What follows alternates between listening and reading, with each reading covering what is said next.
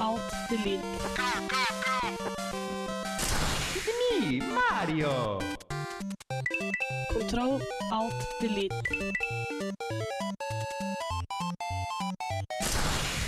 Unable to comply.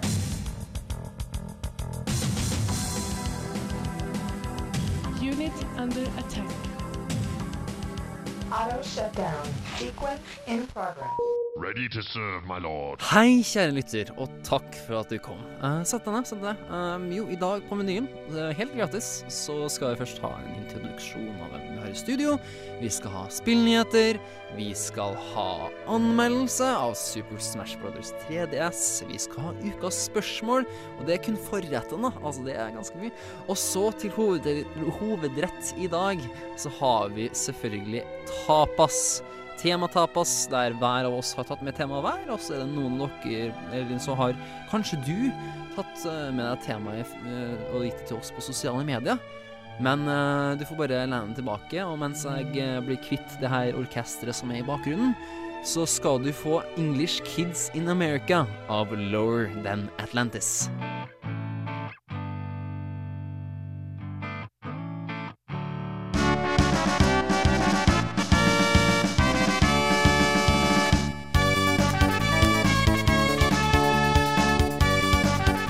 Fikk English Kids in America av Lower Than Atlantis. Du hører på Kontroll Alt Elite her på Radio Revolt. Og Revolt. I, Revolt. Og i løpet av denne sangen så ble jeg påminnet at uh, Låta. jeg, jeg, låta så ble jeg påminnet at uh, jeg kvitter meg ikke med et orkester, men en strykekvartett.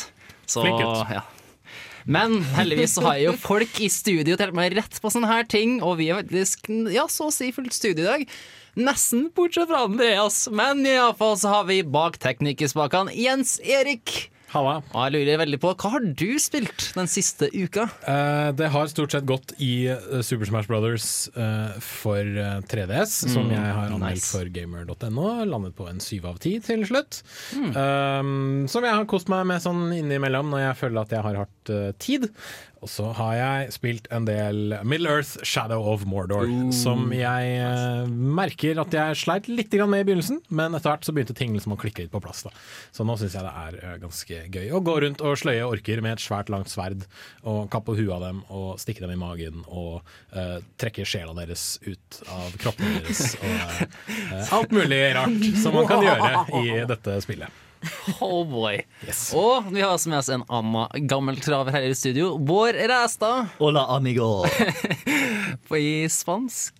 Ja. Si, senor. ja. Hva har du spilt i siste?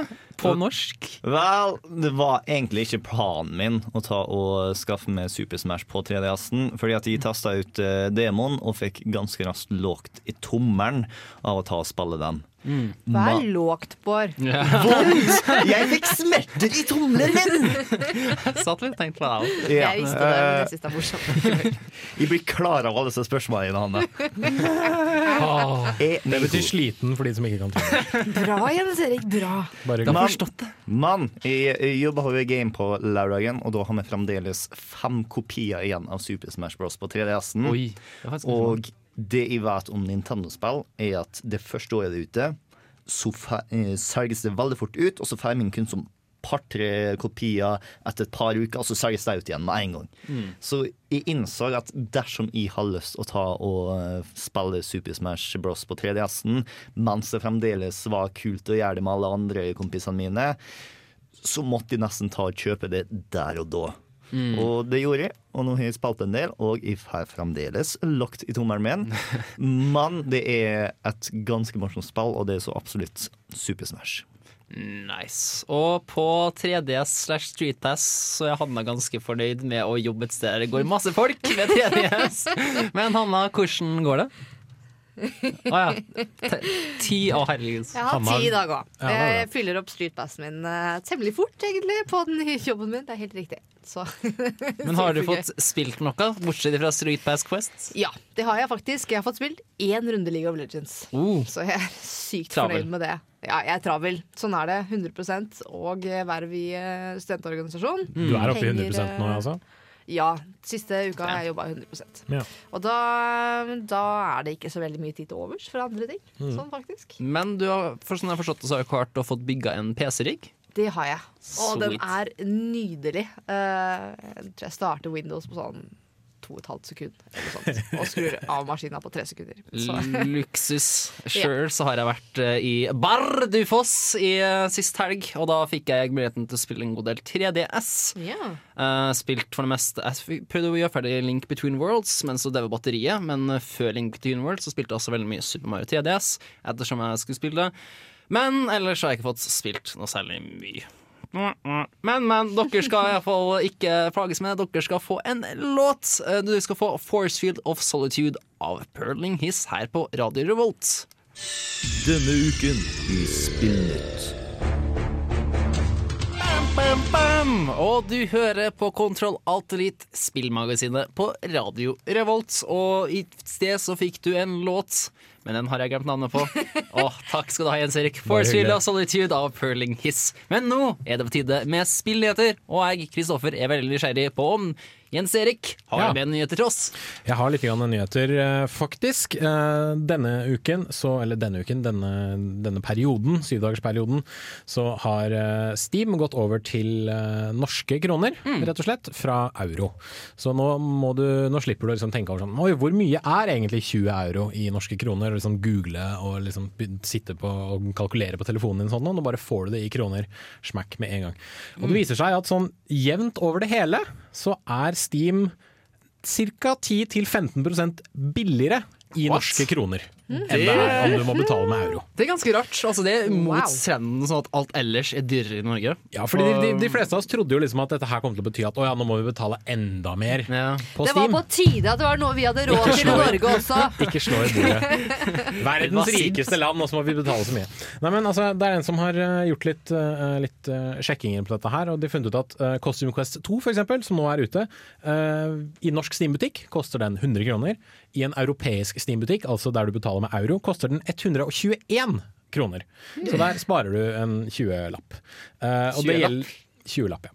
Uh, det gjelder også på de uh, litt større spillene. Hvis du kjøper Middle Earth Shadow of Mordor i norsk Steam-butikk, så koster den 340 kroner. Kjøper du den i en europeisk spillbutikk, nei, altså Steam-butikk til uh, 49,99 euro, koster den 405 kroner. Så da sparer du faktisk eh, 55 kroner Nei, herregud, hva er det jeg sier? 65 kroner. Ja, altså Det høres ut som småsummer, men når du, hvis du er som for eksempel meg og kjøper veldig mye spill spill på Steam når jeg får storstipend eller når det er Steam-salg, Mm. så er det plutselig et par hundre, to, tre, 400, vet ikke. Det, Det blir jo en god del. det blir en del til slutt, altså. Og jeg syns det, er, eh, det er veldig fint at det har blitt litt billigere. Det virker som de har tatt eh, Det er, det er noen sånne spekuleringer rundt at de har tatt den amerikanske prisen og Ja. gjort den om til norske kroner, og ikke den europeiske. Og det er eh, gull for oss. Spesielt de av oss som er studenter og eh, ikke kjøper spill sånn hele tiden, i hvert Får bare krysse fingrene for at de ikke kommer til å bare sånn Oi, vops, vi gjorde en feil. Vi venter selvfølgelig å ta Ja. med europeiske prisene. Og, og. Ja, vi, får se hvordan det, hvor, vi får se hvordan det ser ut om Ja. en måneds tid, men ja. det hadde vært eh, fint om det ikke forandra seg, i hvert fall. Oh, really?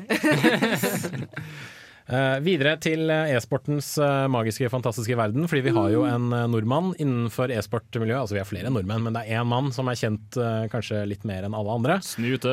Yes. Jens Snute Waller Aasgaard, som han heter sitt fulle navn. Eh, han har dessverre eh, røket ut av eh, kampen i en, om en plass i det som heter World Championship Series i Starcraft 2. Så han håpet på å komme til en finale der på BlizzCon i løpet av året, men det har han da selvfølgelig dessverre ikke klart. Fordi han røk ned fra en 16.-plass til en 17.-plass i seriespillet, og har ikke mulighet til å kjempe seg oppover igjen. Det er veldig leit, og han har nå sagt at uh, han kommer til å ta seg en aldri så liten pause fra Starcraft 2. Det er litt sånn uh, greier i livet hans som han trenger å ordne opp, sier han. Han har annet lyst til å finne seg et sted å bo i Norge, som er litt vanskelig, fordi Norge er et ganske dyrt land å bo i. Uh, selv om han er en av de mest innbringende Starcraft-spillerne som lever akkurat nå, da. Men han har ikke tenkt å gi seg med Starcraft Nei, er 2 sånn fullstendig. Han skal bare trappe litt ned akkurat nå, få liksom ordna litt i livet sitt, og så komme sterkere tilbake. Nice. Så vi krysser fingra for deg, Snute, og håper at eh, ting kommer til å gå bedre i eh, tiden framover. Og bedre får vi, kanskje, vi får se om andre ting går bedre eller verre. Men først skal du få en låt. Du skal nemlig få Hard Work av Damien Marley. Og du hører som sagt på Kontroll Alt Elite, spillmagasinet, på Radio Revolt i Trondheim. This is Three Dog. Ow! and you're listening to Galaxy News Radio, bringing you the truth, no matter how bad it hurts. Ja, du fikk Hard Work av Damien Marley her på Radio Revolt, og hadde Three Dog ikke vært i fremtida i den postapokalyptiske verden, så kunne han fortalt akkurat nå at jeg føler meg veldig ensom som en eneste uten en 3DS kjørende akkurat nå her inne hos oss i Kontroll Elite på Radio Revolt. All vår sympati til deg. Beklager, Chris. Det tok så lang tid før jeg ble ferdig med all streetpassene mine. Ja, det, er ikke, det, er ikke, det, er ikke så, altså, det tar jævlig lang tid når du får ti stykker i løpet av en dag. Jeg kan ta betalt for å ta med DC på jobb. Det er bare å cashe inn. Oh boy. Ja, jeg skal prøve å få vekk eh, tankene mine fra det her, og heller håpe at dere har det med spillet litt. Det har jeg, vet du. Uh, dette her er noe du jeg vet kommer til å sette pris på, Kristoffer.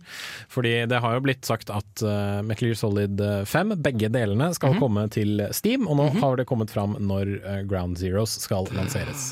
Så år. eh, 18. desember i år eh, er, eh, er datoen for dere spionglade små vesener der ute som eh, liker å sette pris på Metal Gear Solid. På forhånd en beklagelse til Chris sin familie, som ikke vil se ham på julaften. Ja. Nei, men altså, det spillet tar jo bare to timer å spille gjennom, så han liksom bare brenner gjennom det den 18., så er han klar til resten av juleferien. Men det som jeg liker, er at liksom den 18., altså er etter eksamenstida Det er det. Det er faktisk den dagen jeg leverer min siste eksamen. Eh, videre i uh, gamle spill som kommer til uh, nye ting. Eh, Walking Dead sesong 2 skal slippes til Xbox 1 og PlayStation 4 i løpet av oktober. Sammen da med sesong 1 og eh, 400 Days. Ja, det var det jeg skulle si. Men du tok det fra meg. Takk for det. Eh, sesong to har fått sånn cirka like gode skussmål som sesong én, hvis jeg ikke tar så altfor uh, feil. Men jeg har dessverre ikke spilt sesong to, så jeg kan ikke Oi, ikke? bekrefte det, det altså Jeg kan ikke bekrefte det med mine egne ord om det er bra eller ikke. Jeg spilte første episoden, og så har jeg liksom bare aldri fått spilt resten. Det, sesong to var en greie som starta ganske treigt, men så ble det bare bedre og bedre utover sesongen. Og uten å spoile noe, så var det bare herlig at mot slutten så fikk, var, følte at valgene gjorde noe. da Ja, kult. Videre til eh, andre spill som har fått en lanseringsdato. Eh, Det er jo veldig sånn apropos, i og med at dette er en Super Smash Brothers-fokusert sending. Smash Brothers! Eh, Smash Brothers til Wii U skal lanseres 5. desember. Uh, nei, så- uh. Du skal ikke se bort fra at Uh. eh, en utgave av det spillet kommer til å ligge under en del juletrær eh, i, eh, altså i år. Eh, selv så kommer jeg nok til å kjøpe det 5. desember, spille det i sånn en halvtime, og så gå tilbake til eksamenslesning etter hvert. Der gikk plutselig eksamen og minivasken. Det er ikke så overraskende egentlig at vi fikk datoen nå, fordi at eh, Nintendo var veldig fokusert på at du skulle ta og kjøpe 3DS-versjon først. Og det å gi det en håndfast dato til VU-versjonen har sannsynligvis dempa salget. Men siden de ikke har noen dato, så klarte 3DS-versjonen å selge sånn én million kopier i løpet av den første helgen, som ikke er noe å snyte over. Nope. Snyte over. Snyt over! Snyt! Skal ikke, kimse, skal ikke kimse av og snyte av det. Nei, jeg vet ikke. Uh, uh, det kan også nevnes at en uke før så kommer disse Amibo-figurene, som du Ja. blant annet skal bruke i Mario Kart Ja, og eh, alt mulig annet rart. Så du får da først kjøpe noen Amibo-figurer, og så kan du liksom sitte og stirre på dem i en uke. Og så kommer Super Smash Brothers til Wii U ut. Uh, ja, ok, så, Men for at du må jo bruke New 3DS for at du skal bruke det på 3DS-en, ikke sant? Det stemmer. Men Men kan, det Wii U-en har det innebygget Du kan kontrollen. også kjøpe en portal til å bruke den på den gamle 3DS-en. Ah. Fuck yeah, da får jeg to No. portaler i hus. Så det vil si, ut av boksen så funker de med uh, Wii U. bla, bla, bla, Med, med, med, med, med, Med Wii U. Med Mario Kart! Det òg. Ja! Uh. Det skal først lanseres til rulles ut til Mario Kart, så til Smash Brothers, og så etter hvert da til Captain Toads Treasure Tracker og til uh, Yoshi's Woolly World. Så Og da er det blir spennende. Og da har jo tilleggspakkene til Mario Kart også kommet, har Det har de også. De kommer vel ut i løpet av måneden. I hvert fall den første, hvis jeg ikke tar så helt feil. Og er en siste forresten jeg nevne, uh, siden vi snakka om Smash Bros. også. Uh, det er veldig mange som har opplevd problemer med det her med at circle paden på 3DS-ene flyr av. Ikke jeg. Har du ikke det? Nei. Da er du heldig. For det som i hvert fall skjer, at for, ikke sant, Smash Bros. er av de spillene der du skal skikkelig intenst prøve å gå fra venstre til høyre og sånn. Skal jeg si hvordan jeg har unngått det? Hvordan? Jeg spiller ikke som en gærning. Nei, men vet du hva, Jens Erik? Det har jo faktisk folk som har spilt uh, Animal Crossing, New Leaf, og det skjedde fortsatt. Ja, da er de Så menneskene jeg vet idioter. ikke. Da, men iallfall, vi skal prøve å Han har slutt. et annet tema. Og Hanna! Ja. Jeg måtte teste. Prøvde, prøvde å ødelegge iPaden sin. Nei, iPad, sier jeg. Herregud. 3DS. Jeg tror vi går til musikk. Jeg Jeg tror det, vi går altså. til musikk. Du skal få en låt som heter I med en liten i, viser ingen greie som artisten gjør, av Kendrick Lamar.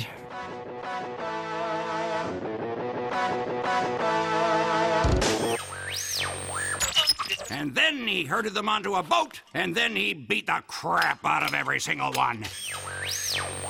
The only product ever to be personally endorsed by notorious ladies man, Mr. Shank. Yeah, so this shit is tits, guys. You should see what my bitch thinks of me now. Ukas anmeldelse og kontroll. Alt delete.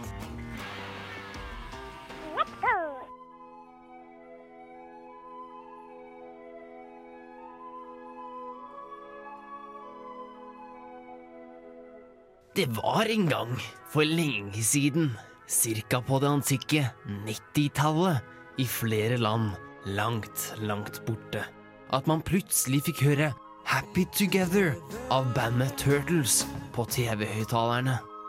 På skjermen kunne man se kjente figurer ifra spillutgiveren Nintendo. Mario, Donkey Kong, Yoshi og Pikachu. De holdt hverandre i hendene og hoppet lykkelig sammen i unison nedover en bakketopp fylt med solsikker. Men Mario, som den dyreplagende, undertrykkende jævelen han er, spenner plutselig benet til hans trofaste venn Yoshi. Rasshøl. Og snipp, snapp, snute, så var introduksjonen ute. Det skulle vise være utgangspunktet til spillet Super Smash Brothers, og som den bassfylte filmtrillerstemmen sier videre i reklamen Something's gone wrong in the happy-go-lucky world of Nintendo. Introducing Super Smash Brothers, where all your favorite characters go toe-to-toe in one four-player star-studded slam fest, only on Nintendo 64. Det her spillet, der man kunne spille sine favorittfigurer fra Nintendo og slåss mot andre venner på samme TV-skjerm, ble en megahit. Det var noe innfriende å kunne sende motstanderen flygende ut av spillskjermen, slik at motstanderen daua.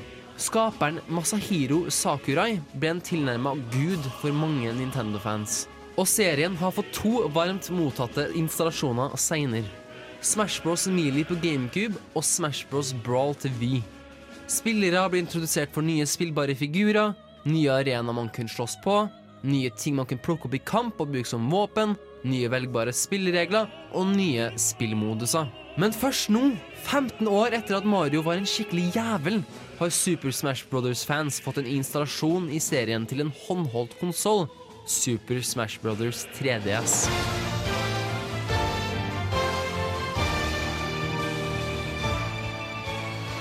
Som tidligere installasjoner har den her også nye arenaer, nye ting, nye spillmoduser og et bøttelass av nye spillbare figurer.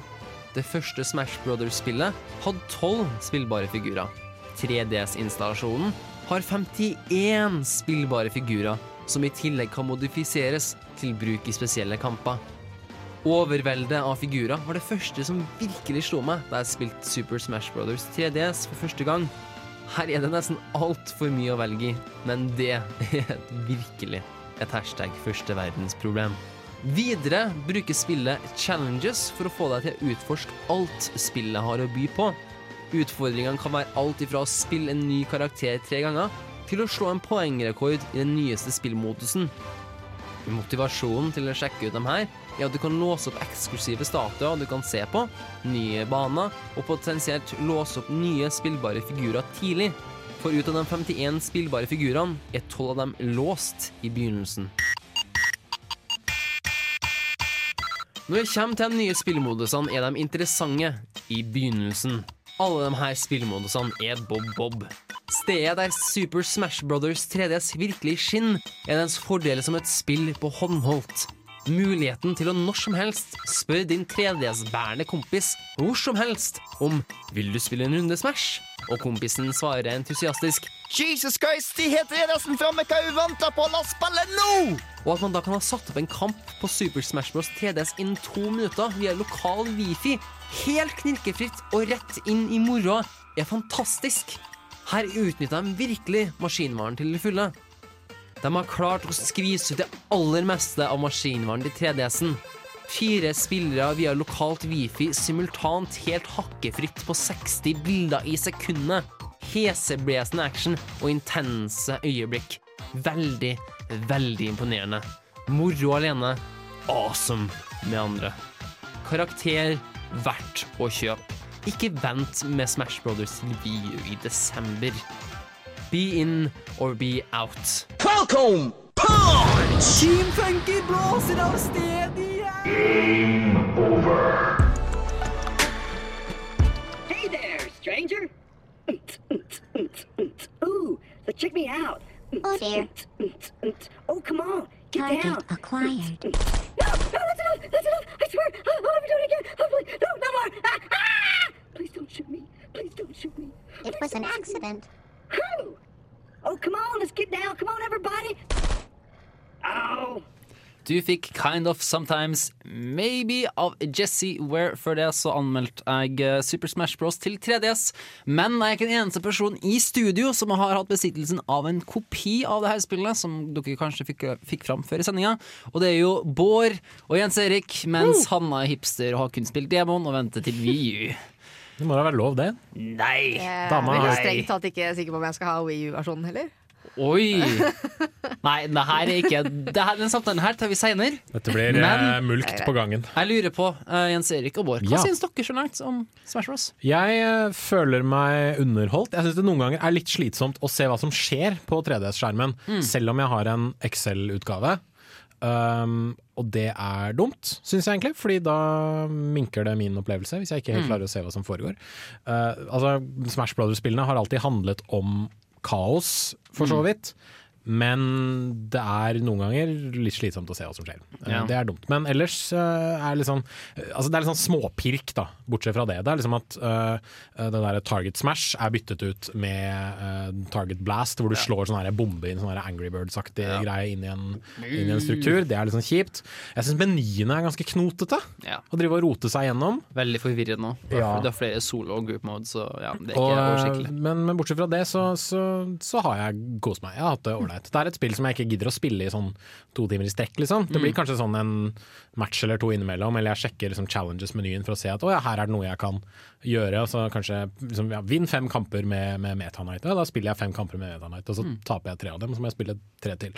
Men altså, sånne ting. Altså, det, er sånn, det er et spill som kanskje kan spilles litt når man, man ja, venter litt på ting, eller man bare sånn Ja, nå har jeg en halvtime å slå i hjel. Da spiller vi Super Smash Brothers. Ja, mitt problem er egentlig at uh, Smash Brothers er så intenst spill. Og så er jeg den som bare Noen ganger, hvis jeg er i kjelleren hjemme noen å spille, mm. så jeg, vrir jeg meg og bare sånn ah, herregud. Og så når du skal gjøre det her samme intense matchen på en 3DS, der du også har skjermen, syns jeg det blir vanskelig. At det liksom både konsollen du spiller på, og der du faktisk trykker og får feedback, er samme greia. Det sliter jeg litt med. Bruker Kanskje dere 3D? Hæ? Bruker dere 3D? Nei, jeg har skrudd den. uh... altså, jeg, I motsetning til Kristoffer så klarer jeg å sitte stille med 3D-en når jeg sitter og spiller. Men uh, jeg, den tar så fort batteri, og jeg for det meste syns aldri at det gir spillet så fryktelig mye utover. Å ja, det ser pent ut, liksom. Mm. Så da pleier jeg å unngå det. Men Bård, hva synes du om uh, Smash Brothers så langt? Jeg liker det, men det har liksom ikke truffet meg helt der de tidligere Smash Brosene har ennå. Oi. liksom- Jeg har ikke opplevd personligheten så masse til Mm. denne Smash Brosen. Jeg mistenker at det kanskje skjer når jeg får tre andre personer til å bli med på Smash Run, eller noe Mm. sånt som det, som du ikke kan prøve på med de andre maskinene. Men eh, Mm. riktig ennå så er det sånn jeg føler, jeg føler at dette er Smash Bros, men jeg føler ikke re- riktig ennå at dette er Super Smash Bros for 3DS. Definitivt. Men jeg syns, jeg syns faktisk Smash Run var kanskje noe av det kuleste nye de la til egentlig i Hva er spillet. Smash Run? Så det skal jeg ikke til komme, men jo, bra at du spør. Um, Smash Run er basically du har fem minutter på deg. Uh, eller du, du kan enten være én mot eh, datamaskiner eller én med kompiser. Eller miks, da. Men iallfall, dere er fire spillere. Dere blir plassert på en stor adventure-bane, akkurat som type som i Smash Bros. Brawl Adventure-delen. Subspace Emissary. Subspace Emissary, der er det. Og du skal basically bare bruke fem minutter på å gå rundt, hopp, spring, slå monstre, åpne opp kista og utføre småoppdrag, slik at eh, slik at du kan få bedre stats. da Altså Du har forferdelige dårlige egenskaper i begynnelsen. Du hopper forferdelig, du springer skikkelig treigt, du slår skikkelig svakt. Og du må da bruke da tida som du har, fem minutter, til å oppgradere karakteren din, slik at du står sterk til en arenamatch med de tre andre spillerne. Mm. Og det jeg liker veldig godt med eh, Smash Run, som jeg ikke likte med Subspace Emissary, er at de faktisk bruker Nintendo-skurker. Ja. I Subspace Mm. Emissary så var det generiske teite skurker som du aldri har sett før. Nå så har de innsett at de har et gigantisk galleri med Nintendo-karakterer. Så jeg kaster inn du får Goomba og Redeads og Space Pirates og alt sammen kasta rett i fleisen på det, og det er svært tilfredsstillende. Mm. Jens Erik, hva syns du om eh, Smash? Eh, jeg syns det har vært moro. Uh, også som en sånn derre Nå har jeg fem minutter å slå i hjel. Uh, det kan hende at jeg bare er veldig dårlig til å spille Smash Run, men jeg syns alle de der motstanderne slår så forbanna Ja. hardt Mm, det. at det er vanskelig noen ganger å faktisk få liksom kjempa dem ned, da, sånn at jeg får den stat-boosten jeg vil ha. Mm. Men uh, jeg har innsett det at hvis, bare, hvis du bare fortsetter å bevege deg hele tiden, så går det som regel greit. Mm. Eh, nå skal vi snart gå til ukas spørsmål, men før det så skal du få en låt. Du får One More Featuring Mø av Elefant på Kontroll Alt Drit. Når innså du at du var en gamer? Dersom du kunne spilt kun et spill i et år Hva er det eldste spillet i backloggen din? Og du var på en øde øye i helvete mens du var 11 år gammel Hva har du lært fra spill som du har fått nyte av i hverdagen? Er det et spill som har hjulpet deg gjennom en tung periode av ditt liv? Hva er ukas spørsmål? Vel, før jeg spiller det spørsmålet, så skal du få vite at så låta du akkurat hørt, var One More featuring Mø av Elephant. Og ukas spørsmål denne uka er hvilket spill ser dere mest frem til denne spillhøsten? Uh. Er noen- Bare ett spill, liksom? Ja, bare ett. You can only choose one. Det du gleder deg mest til. Vet du hva, Jeg har faktisk vært litt sånn skuffa over at det ikke kommer noen spill før jul som jeg har Oi. lyst til å liksom glede meg skikkelig til. Oi. Jeg merker at det er liksom neste år jeg gleder meg til. Får jeg anbefale Bayonetta 2? Eh, ja, du må gjerne anbefale. Men om det hjalp på med disse spillene jeg veldig skulle gledet meg til før jul, så kjenner jeg at det er kanskje mer etter jul. Og strengt tatt sett på timeplanen min, så gjør det meg egentlig ingenting. Du er en opptatt, du er en opptatt kvinne nå, så Riktig, riktig. Jeg kan heller kose meg litt med jeg, jeg, Bare skyte det inn. Jeg koser meg fortsatt litt grann innimellom med Harvey Warriors. Oi. Det plukker opp veldig sjelden, men jeg gjør det. jeg plukker det ikke opp i det hele tatt. Kanskje, så kanskje jeg kommer til å gjøre det. Pluss litt, kanskje litt DS. Litt League of Legends. Så ellers ikke så veldig mye annet enn det for jul, antagelig. Nei, Ja, for, jeg- for liksom det var det. Altså det Ja, Harry Warriors var liksom det store for meg, bortsett fra et annet. Men Bård, hadde du et?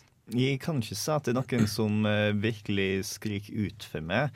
Eh, Super Smash til VU blir selvfølgelig ganske kult, for det er jo i hvert fall når eh, jeg og du har en fin kjeller med gigantisk vegg dedikert til en prosjektor. Så yeah! Der holder nok, Chris. If you got it, flaunt it. Mm. Og når du har prosjektor i kjelleren Så inviterer du vennene dine. Selvfølgelig. Men kommer de Å, nei da. Hva med Just Dance 2015? Bare? Så Men ah, Jeg skjønner ikke hva som er greia i Control Tits, men hvorfor liker ingen Borderlands? Eh, Du liker jo. Borderlands nå, og Sondre har slutta. Altså, jeg, har aldri, jeg har aldri spilt Borderlands. Eller jo, jeg har spilt What? Borderlands. Jeg spilte litt Borderlands hos Hør nå her, før du blir helt gal. Uh, jeg spilte litt Borderlands med Sondre et par ganger da han var her. Og liksom, jo da, det er ålreit, kult skytespill, det, liksom, men jeg følte ikke at jeg fikk noe liksom grep om hva skal jeg si, identiteten i spillet. Jeg følte ikke at jeg ble sånn kjempegrepet av det alle liksom er veldig sånn grepet av, holdt jeg på å si. Ja. Kan jeg spille pre-sequel før jeg har spilt første Borderlands? No! For at pre-sequel er altså spille før nummer to. Altså Det betyr at det er én pre-sequel, og så toeren. Ja, så. Ja, men det er mange Men spill det- det- teknisk sett kan spille Ja. toeren uten å spille Det eneren. går, det går jo an. Jeg tror jeg må sette opp historien til at det er mulig. Du klarer å fysisk sette deg ned ved maskinen din og men- sette det på. Du får ikke Hvis- lov. Hvis du er ekstra kul, så spiller du Borderlands 1 først. Helst med noen som liker å spille Borderlands også. Og så Men det som da kommer til å skje, er litt sånn som skjedde da jeg prøvde å spille World of Warcraft sammen med deg. At liksom du har én spiller som løper i én retning og sier ja, bare kom her, kom her, kom her, kom her. Var jeg sånn? Jeg synes jeg var veldig snill. Du var ikke det, men jeg bare sier at han kommer til å være sånn. Og så kommer, liksom det være, så kommer det til å være en person som liksom dilter etter og bare ja, men kan ikke vi gå, jeg vil se Og så han sier bare nei, Nei, nei, da er det bare kjedelig. ja, ja, Kom men- her, kom her, kom her. Men jeg kommer aldri til å spille et spill for første gang med Chris som han føler han er god i, og som han kan konkurrere med. Det går ikke, vet du. Det er ikke konkurranse, det er lagarbeid! Og Jens Erik, jeg setter veldig pris på at du kan så mye om meg. Det. Men seriøst, jeg syns det er så kult, for at nå foregår det et annet sted enn der handlinga er tatt før. Altså På månen, er det ikke det? On the moon! Og da lurer jeg veldig på hva vi gjør med Ja, hva vi gjør med det der med gravity? Eller gravitasjonskraften. Hvem vet. Også Amen. veldig kult at du kan spille som min favorittfigur, favorittfigur i spill noensinne, nemlig Claptrap. Roboten som bare sier mye dumt. Nesten som meg. Men før jeg sier noe Jeg har ikke svart på spørsmålet, jeg, da. Å, nei, har ikke svart på spørsmålet? Nei, da skal du få svare på spørsmålet, Jens Erik. Hvorfor sa du ingenting? Det er, det er nesten litt for mye, syns jeg. Eh, Oi, ja, litt Ja, grann. innimellom. enlighten me, please. Nei, altså, Bayonetta 2, som jeg nevnte. Civilization Beyond Earth gleder jeg meg Ja. til. Um, skal vi se eh, Det kommer et Legend of Korra-spill som jeg tror kan bli ganske gøy. Dream, Dreamfall Chapters, eh, ikke minst. Eh, Evil Within syns jeg ser ganske spennende ut. Nye skrekkspillet til Hideki Kamiya. Nei, ikke Hideki Kamiya. Um, Shinji Mikami. Uh, Lego Batman 3 gleder jeg meg faktisk litt til. Det ser litt kult ut. Dragon is Inquisition. Um, skal vi se Ok, Her er forskjellen, da, kjære lytter. For her står vi og så bare «Nei, Er det noe vi gleder oss til? Jeg kommer ikke på noe. Og så står Jens Erik der, og det høres ut som han er dritsmart og har kommet som en elefant. Og så står han der tross alt med en datamaskin. Ja, det gjør han. Så Så det er derfor han klarer men å jeg hadde disse spillene liksom i tankene uansett. Dragon Age Inquisition er kanskje det spillet jeg gleder meg mest til. Du skal spille? Ja, jeg skal spille det. Ja. Det er et Bioware-spill. Det en god stund siden sist jeg spilte et Bioware-spill, så det kan bli ganske tøft. Det er mange spill i vente, men nå er det på tide med låt. Du får 'Wanna Be A Stranger' av Justin Towns Earl her på Kontroll Litt på Radio Revolt.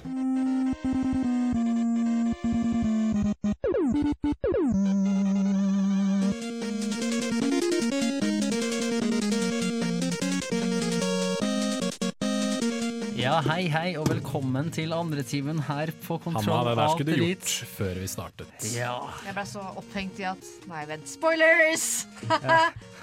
Nei, for i dag så er nemlig tema tema tapas. Det vil si at jeg har bedt resten om å ta med seg et tema hver, etter en idé fra Bård, siden jeg var stressa og hadde dårlig tid. I forrige uke med studier og sånt, så da var det veldig kjekt at vi fikk en veldig god idé. Sånn at nå har alle sammen tatt med seg et tema. Vi har fått et par eh, Eller ja, vi tror vi har fått én eller to eh, lesere som har uh, posta på Nerdeprat. Veldig kult. Det, så det, ta, de temaene tar vi opp. Men uh, først og fremst så var det én ting som bare helt satte meg ut uh, på slutten av radiosendinga. For at mens det gikk en låt, så snakka vi om noe rart. Uh, Hanna, har du lyst til å ta Hva i alle dager har skjedde? Jeg kan Som det. Du ble sikkert litt overraska, fordi jeg ser ikke, jeg har hatt den samtalen her før. Så det var Ja, derfor vi vi? kom med Double Force. Ja, vi har det. Vi har så vidt vært innom det en gang før. Okay. Uh, og det har med game apparel, eller Ja. eh, hva blir det på norsk, da? Gaming Uh, Spill- ja. utstyr? Spill Ja. merchandise. Merchandise, ja, hva- Ja. Som er nok et godt engelsk ord for å forklare det andre engelske ordet. T-skjorter, capser, luer, armbånd. Ja. Bekledning. Bekledning, ja. Det blir verre og verre. Tilbehør. Eks-jall som du har på deg. Listen Ja. går videre og videre. Ja. Riktig. Eh, samtalen gikk vel noe som så at Bård har på seg i dag en Uncharted 2-T-skjorte. Eh, min kommentar på det var at jeg ikke har på meg gaming gear på den måten. Um, og så sa Bård Admen ah, men det, det er ikke ny. Den har jeg hatt i sånn fire år. Eh, Jeg har bare ikke brukt den fordi jeg har ikke runda Uncharted 2 ennå. På fire år. Mm, jeg fikk den gratis da jeg jobba på Game Molde, og begynte å spille Uncharted 2 tilbake i de tider. Kom med et godt stykke, men så uh, mista interessen. Det er først nå i nyere tid at de og Chris satte oss ned og runde. Mm. Og studio kunne gått Har du ikke runda Uncharted 2 på fire år? Uh, men det var ikke det som skjedde. Det som skjedde var at ah, Mener du det, kan du ikke ha på deg den T-skjorta før du har runda spillet. Uh, Det er og da det vi på det som er viktig her. Ja, vi Altså. toucha et tema som jeg har tenkt og irritert meg over før, så reaksjonen min blei som så at åh, det der er så dritt. Eller for all del, Bård, du skal få lov til det, men det at man ikke skal få lov til å gå med en T-skjorte eller en caps eller et skjerf eller hva det nå skulle være, som representerer et spill som man syns er kult, selv om man ikke har runda det eller kan alt om det, syns jeg er en litt uting, da. Jeg syns det er et rart krav å stille til folk, men jeg tror, som jeg nevnte også til deg, Hanna, mens låta gikk, eh, var jo det at jeg tror det er et krav som stilles oftere til jenter enn til gutter Ja, det innenfor nerdekulturen. Dessverre. Det kan godt være. Eh, og jeg tror det. Eh, jeg føler at jeg har opplevd det. Jeg føler ikke at andre kanskje Og når jeg snakker i hvert fall med gutter som har en del type gaminglogoer på klær osv., så, videre, så er ikke det noe de kjenner seg igjen da når jeg forteller om at jeg har hatt på meg gear. Og fått masse spørsmål om det. At jeg føler at jeg må gå og forsvare spillene jeg liker hele tiden. Og jeg følte innimellom at jeg ble litt sånn testa da, på om jeg kunne spillene så godt at de følte at var, eh, at jeg f- fortjente å gå med liksom klærne. Og jeg Mm. syns det faktisk er ganske ufyselig. Da.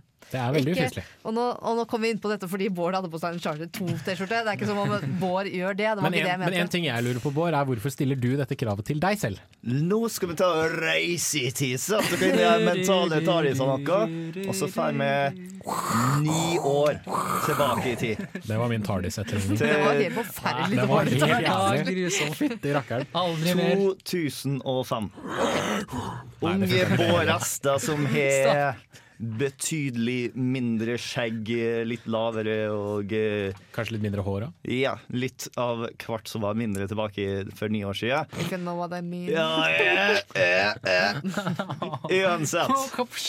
Bård, så ung og så dum, tek og er ferdig på ungdomsskolen.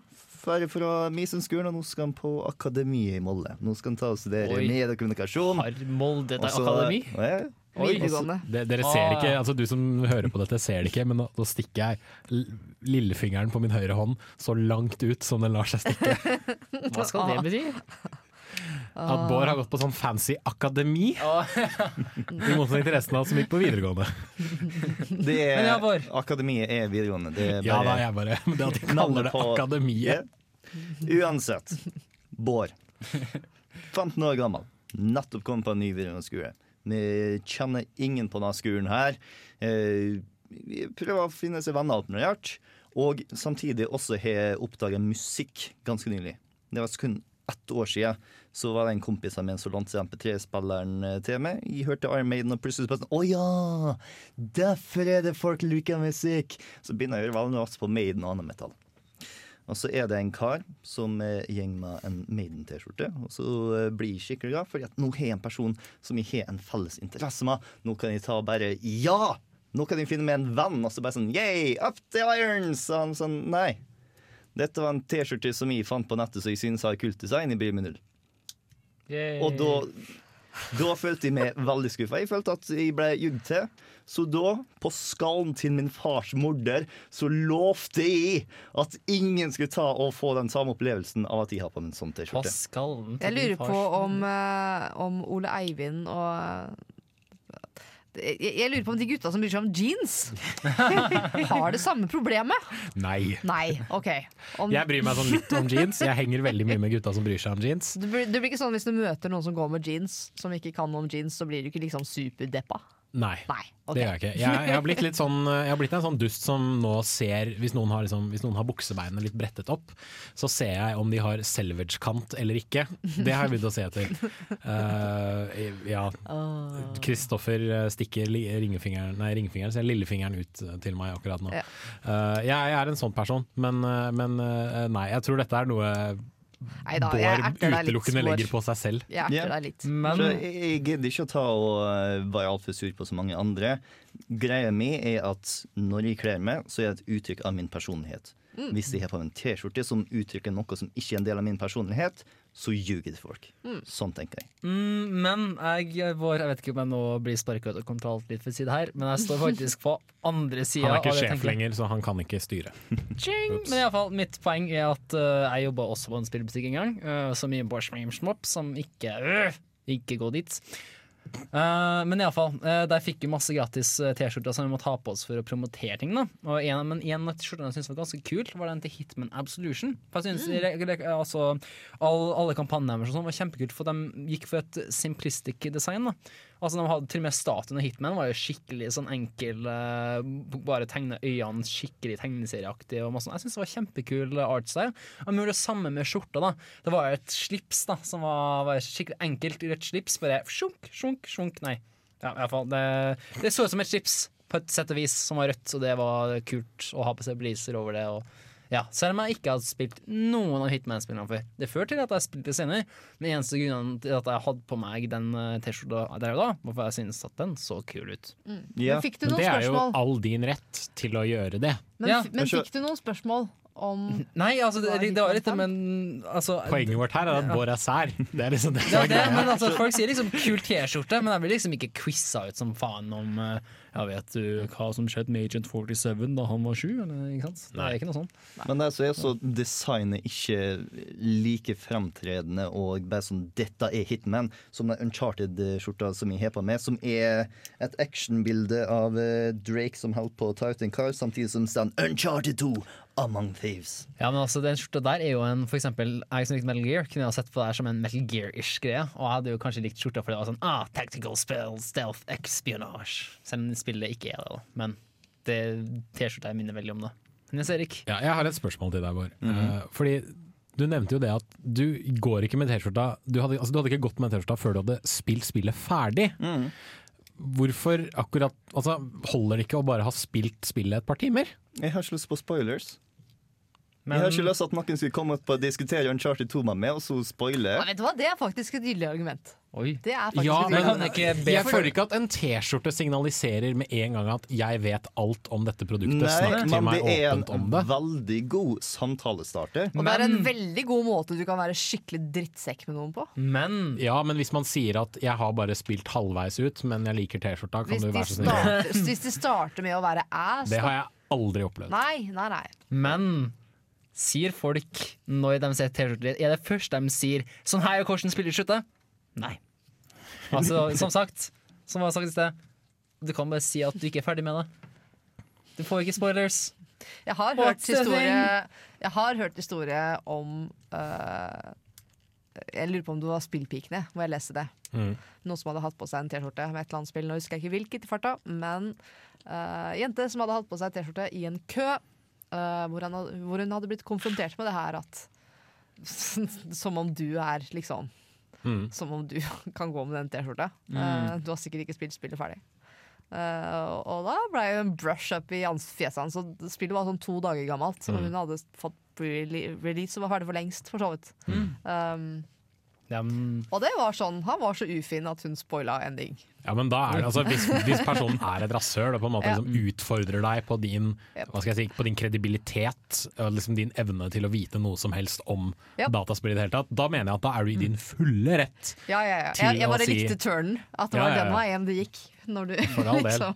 Ja, jeg syns liksom hele T-skjortegreia slash Game Gear-greia er- viser egentlig ganske bra hvordan Vi henger litt etter fortsatt når det kommer liksom til litt sånn likestilling i uh, ja. spillerne. Sånn helt sjukt. Det er litt Det er bare å søke også- hashtag Gamergate på Twitter det, Ja. for å vite at vi fortsatt er relativt, Oh, yeah. ikke relativt, vi er veldig ikke likestilt innenfor spillverdenen. Jeg føler også klær generelt er det forskjell på der. Jeg føler gutta Ja. har mye friere. på en Yep. måte. Du skal være ganske tøff i trynet og gi ganske mye faen i, i de generelle normer som jente for å gå i absolutt hva du vil. Da. Mm. Du skal i hvert fall ha litt bein i nesa for å, for å tørre. Men Eh, helt ærlig, hvis jeg ser en fyr som kler seg som en dass, så tenker jeg øyeblikkelig han ser ut som en dass. ja, er grensa, sikkert en slags- grensa, grensa for jenter tror jeg går lenge før dass. Da. Det kan godt være, ja. For at liksom, til gutter generelt, iallfall for meg, så er det enkelt. For da er liksom, ah, det er jeans, ah, det er en T-skjorte som er litt lysere enn jeansen. Perfekt, jeg går ut.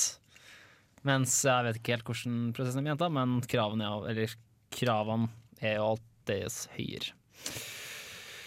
Iallfall hvis du ikke vil ansett som dass i sosial sammenheng. Men jeg tror på tide kanskje å ta første låt, med mindre noen har noen flere remarks Jeg kan om ta og påpeke at jeg har noe annet meg sært når det kommer til meg og T-skjorte. Oi. Og det er at uh, Svake samtidig som jeg fikk når jeg kjørte to T-skjorter her nå, så kjøpte jeg meg en T-skjorte hvor jeg ga meg sjøl et personlig løfte. Det var en eh, Batman Beyond-T-skjorte. Hvor jeg lovte meg sjøl at hvis noen skulle ta og være kul nok til å kalle en T-skjorte Shway, så uansett hvem den personen var, så skulle jeg ta og kjøpe eller ta en prat med den. Ingen er tatt og kalt eh, T-skjorten min Shue igjen, da. Fordi ingen, bortsett fra du, og kanskje litt sånn supernerder som ligger og venter i de mørkeste avkroker av internett, husker at de brukte det slangordet i Batman. Der ute, Shiny. Plassbår, ligger det noen og bare venter på å bruke det ordet når du kommer forbi. Virkelig. Men jeg tror du må flytte til USA for å møte dem. Antagelig. Men eh, jeg, bare jeg vet ikke, jeg har veldig lyst til å nevne bare sånn generelt til lytterne også, hvis dere er ganske interessert i å skaffe spill-T-skjorter. Hvor får man tak i dem? Min favorittserie er jo Qwerty. Altså QWERTEE. Dayoftheshirt.com er selvfølgelig den beste sida, yeah. fordi at det er en oversikt på absolutt alle av den typen mm. nettbutikker som har geeky T-skjorter som eh, går på sånn dagsalg. dagsalg. Hvem var det som fortalte deg om QWERTY, Chris? Ingen jeg fant det selv. Oi. Nå håper jeg liksom at du skulle si Bård, og så skulle jeg si hvem var det som fortalte Bård om QWERTY. This guy. Det var liksom det som jeg impliserte at det egentlig var casen, men greit. Uh, vi Ah, ja. kjører videre til låt. Så det var Bård, altså? Vi kjører videre til låt! var Bård, altså? Det det Hvem tok med Monkey Island 2-sang? Iceland? Island. Hvem gjorde det? Det var meg. Har du lyst til å fortelle litt om låta, Jens Erik? På en veldig engasjert måte. Bort fra temaet. Det kan jeg gjøre. Eh, Nei, jeg bare kikka litt rundt på, på OC Remix uh, nett, sine nettsider, og så spratt den egentlig opp på sånn tilfeldig seleksjon på, på høyre sida. Og så bare klikka jeg på den, hørte litt på, på hva den hadde å by på. Og det er rett og slett en uh, Det er en remix der de har tatt hovedtemaet fra Monkey Island og bare lagt på masse publyder. Og så har de spilt inn hele dritten med fløyte og trekkspill. Og det får det hele til. Altså, det, det gir hele låta en sånn varm og deilig, litt sånn intim følelse ved at du hører liksom pirater som synger i bakgrunnen, driver og klinker glass ned i bord og inn i hverandre og, og alle ting, mens da disse, dette trekkspillet driver og spiller Can we eh, start musikken. this song already? Ja, det kan vi gjøre.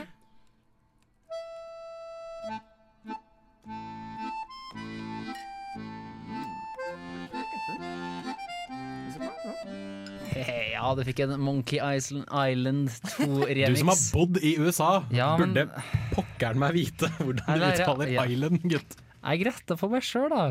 Iallfall, vi fortsetter med tematapas, og du Jens Erik som er så snakkeglad, kan du fortelle om neste tema som du har tatt med? Uh, ja, jeg har vel ikke så mye tatt det med som jeg har uh, tenkt det opp, uh, på et vis. Men en ting jeg har litt lyst til å diskutere, er dette med digitale kjøp av spill. Fordi det Mm. skjer det jo mer og mer av etter hvert, eh, føler jeg. Det skjer nesten eh, altså Fram til et visst punkt så skjedde det nesten utelukkende på PC, vil jeg Mhm. påstå. Men sånn i nyere tid, med liksom dette med, med Xbox Live Arcade og indiespillscenen og små nedlastbare spill, så ble det flere og flere nedlastbare Mm. spill du kunne kjøpe til konsoller. Og nå kan du selvfølgelig da kjøpe disse storspillene dagen de kommer ut, til samme pris, eventuelt Mm. billigere enn butikkprisen, på, um, på konsollen din, og laste ned med en gang. Og spørsmålet mitt er jo kanskje det Er det noe vits i å gjøre det ennå? Laste den ned? Ja. Hva mener du? Kjøpe det digitalt og laste den ned til konsollen din. Hva mener du med at det er noe vits? Fordi det jeg oppdaget da jeg skulle kjøpe Shadows of Mordor, Shadow of Mordor beklager, eh, til min PlayStation 4 her om dagen, var det at én, det tok helvetes lang tid å laste det ned. Og det tok helvetes lang tid å installere det. Eh, og da tenker jeg at på den tiden det tok meg å laste det ned, på min ganske skittige linje, og på den tiden det tok å, laste, nei, å, å installere, så kunne jeg egentlig bare gått ned til nærmeste spillbutikk, kjøpt spillet og kommet hjem igjen og begynt å spille. Men jeg tror det her har egentlig sånn Jeg lurer på liksom om bekvemmeligheten av å kjøpe det digitalt er liksom veid opp med tiden det kan ta. Depends, synes jeg, for at det har veldig mye for eksempel hardware. Jeg vet at PS4 har du mulighet til å skifte til f.eks. en solid state drive. Og hvis du Det er en du. av dem eh, jævla, Det er ikke jævla, men hvis du er en av de heldige heldige, heldige folkene som har råd til å kjøpe en passe stor en, eh, så er det faktisk ganske herlig. Men det hjelper jo ikke hvis du fortsatt har skitt i linje, da. Ja, men det, det er ikke pointet. Pointet er at hvis du først får installert hele spillet på den harddisken, så er det dritkjapt. Altså, når Og du har på disk installere det? Ja. Ja, det var det du mente, ja. Ja. Men kan du ikke installere hele spillet hvis du får det på disk? På noen spill har jeg opplevd at det kan gjøre det på PS3, men noen Altså, spill kan du ikke. Du kan spille uten CD-rommet etterpå? Er det Ja. mener? Det er det òg, ikke sant? Så Ja, du må ta med det det. spørs jo hva de har lagt opp til, da. Om du Ja. For det er en del spill ennå som det kommer cracker til, vet jeg. Mm. Som du da definitivt ikke kan Ja, men det er alltid en eller annen PC-dust som ikke gidder å betale for spill, punktum. Som bare piratkopierer det. Selvsagt. Mm. Selvsagt. Denne enorme mengden av tid du føler at du mister, vil jeg påstå kommer av det faktum at du bor veldig sentralt i Trondheim. Så for din del så tar det hva, et kvarter hvis du er kjapp nok å kjøpe spillet og putte det i disken og eh, eh, spille med en gang. Ja, For- sånn cirka. Ja. For noen som bor lenger utpå, eh, landet og eh, må bruke sånn halvtime hver vei, eller hvis det f.eks. er etter stengetid, og du har forferdelig lyst til å spille Shadows of Mordor, så er det plutselig masse mindre tid det tar å bare laste ned på den måten, enn å vente til dagen er på, reise en halvtime, plukke opp spillet, reise en halvtime tilbake. Det er sant, men la oss si da at du sitter der, du laster det ned, så innser du at ja, dette vil ta en halvtime å laste ned, og så tar det Mhm. kanskje en time å installere det. Da, har du likevel, da må du likevel vente halvannen time, føler jeg. Det paradoksale her er jo at hvis du bor nær nok en butikk, så er du antageligvis den som har raskt nett også. Ja, nettopp! Det var akkurat det jeg skulle si. Liksom, bor du langt borti Gokk, så har du kanskje ræva nett i tillegg. Men jeg bare Jeg, jeg føler liksom ikke at denne liksom, store digitale fremtiden og alle liksom, bekvemmelighetene som liksom skal komme med det. Jeg følte ikke at det gjaldt helt da jeg skulle kjøpe dette spillet og laste det ned. Nei, men liksom, Det er jo det liksom, den umiddelbare effekten, men liksom den langtidseffekten tror jeg kjente var mye bedre. Mm. Altså Spesielt tanke med hvis du er som er gærning og bruker altfor mye på Steam Sales. La oss si seg brukt istedenfor på å kjøpe fysiske konsollspill, så hadde sammenhengen min vært sykt svær. Altså Da tror jeg jeg har brukt opp god del av rommet mitt bare på å lagre de spillene. Pluss at det er meg, det. Du må også, sant, du må også ha med seg, du må passe på dem hele tida. Og hvis du skal flytte, da, da er det jo mareritt for vi passe på det. Alle er skikkelig pakka inn, slik at ikke dem blir ødelagt. For flyttefirmaet ødelegger jo alt, iallfall i min case. Um, så jeg vet ikke, jeg, føles det så mye lettere å ha alt på disk. liksom At det bare jeg trenger hele tida. Og hvis det blir ødelagt, så trenger du ikke gå til butikken og krangle og se om du får en ny kopi, og det gjør du mest sannsynligvis ikke. Mens på konsoll så får du vanligvis laste ned så mange ganger du vil. Og det, Det er ganske ærlig. Du, ja. det, det er nok oftere man tror at man faktisk fortsatt kan bo i de litt større byene i Norge og har skikkelig skittig internett. Eh, for noen plasser er utbygginga dårlig, og for noen studenter som leier, så er det faktisk ikke lagt ut nett ennå. Det Mm. kommer til å endre seg fort, tror jeg. Mm. Sånn som når vi så etter leilighet i fjor, så hadde ikke Jacobs Linett. Hm. Eh, de hadde kobberlinje, liksom, så du fikk sjekka mailen din, kanskje. Har ikke vi kobberlinje vår? Vi har kobberlinje, ja. Det kobberlinje, det, altså, det er jo helt til å grine av. Men det, altså, det kommer jo for så vidt eh, relativt fort. Mm. Uh, så vi vil nok være veldig unntak i løpet av veldig kort tid på akkurat den biten der, da. Um, for resten av Norge så tror jeg det kan, som, som Bård sier, kan være veldig ålreit greie. I hvert fall hvis du bor i deler av Norge der det ikke er sikkert på at du får inn spill til lansering engang fordi de som driver spillsjappa gjør en skikkelig shitty jobb der du Mm, bor. mm. Eh, hvilket tror jeg er tilfellet en del plasser. Ja. Um, de nyter jo at de er monopol. ja.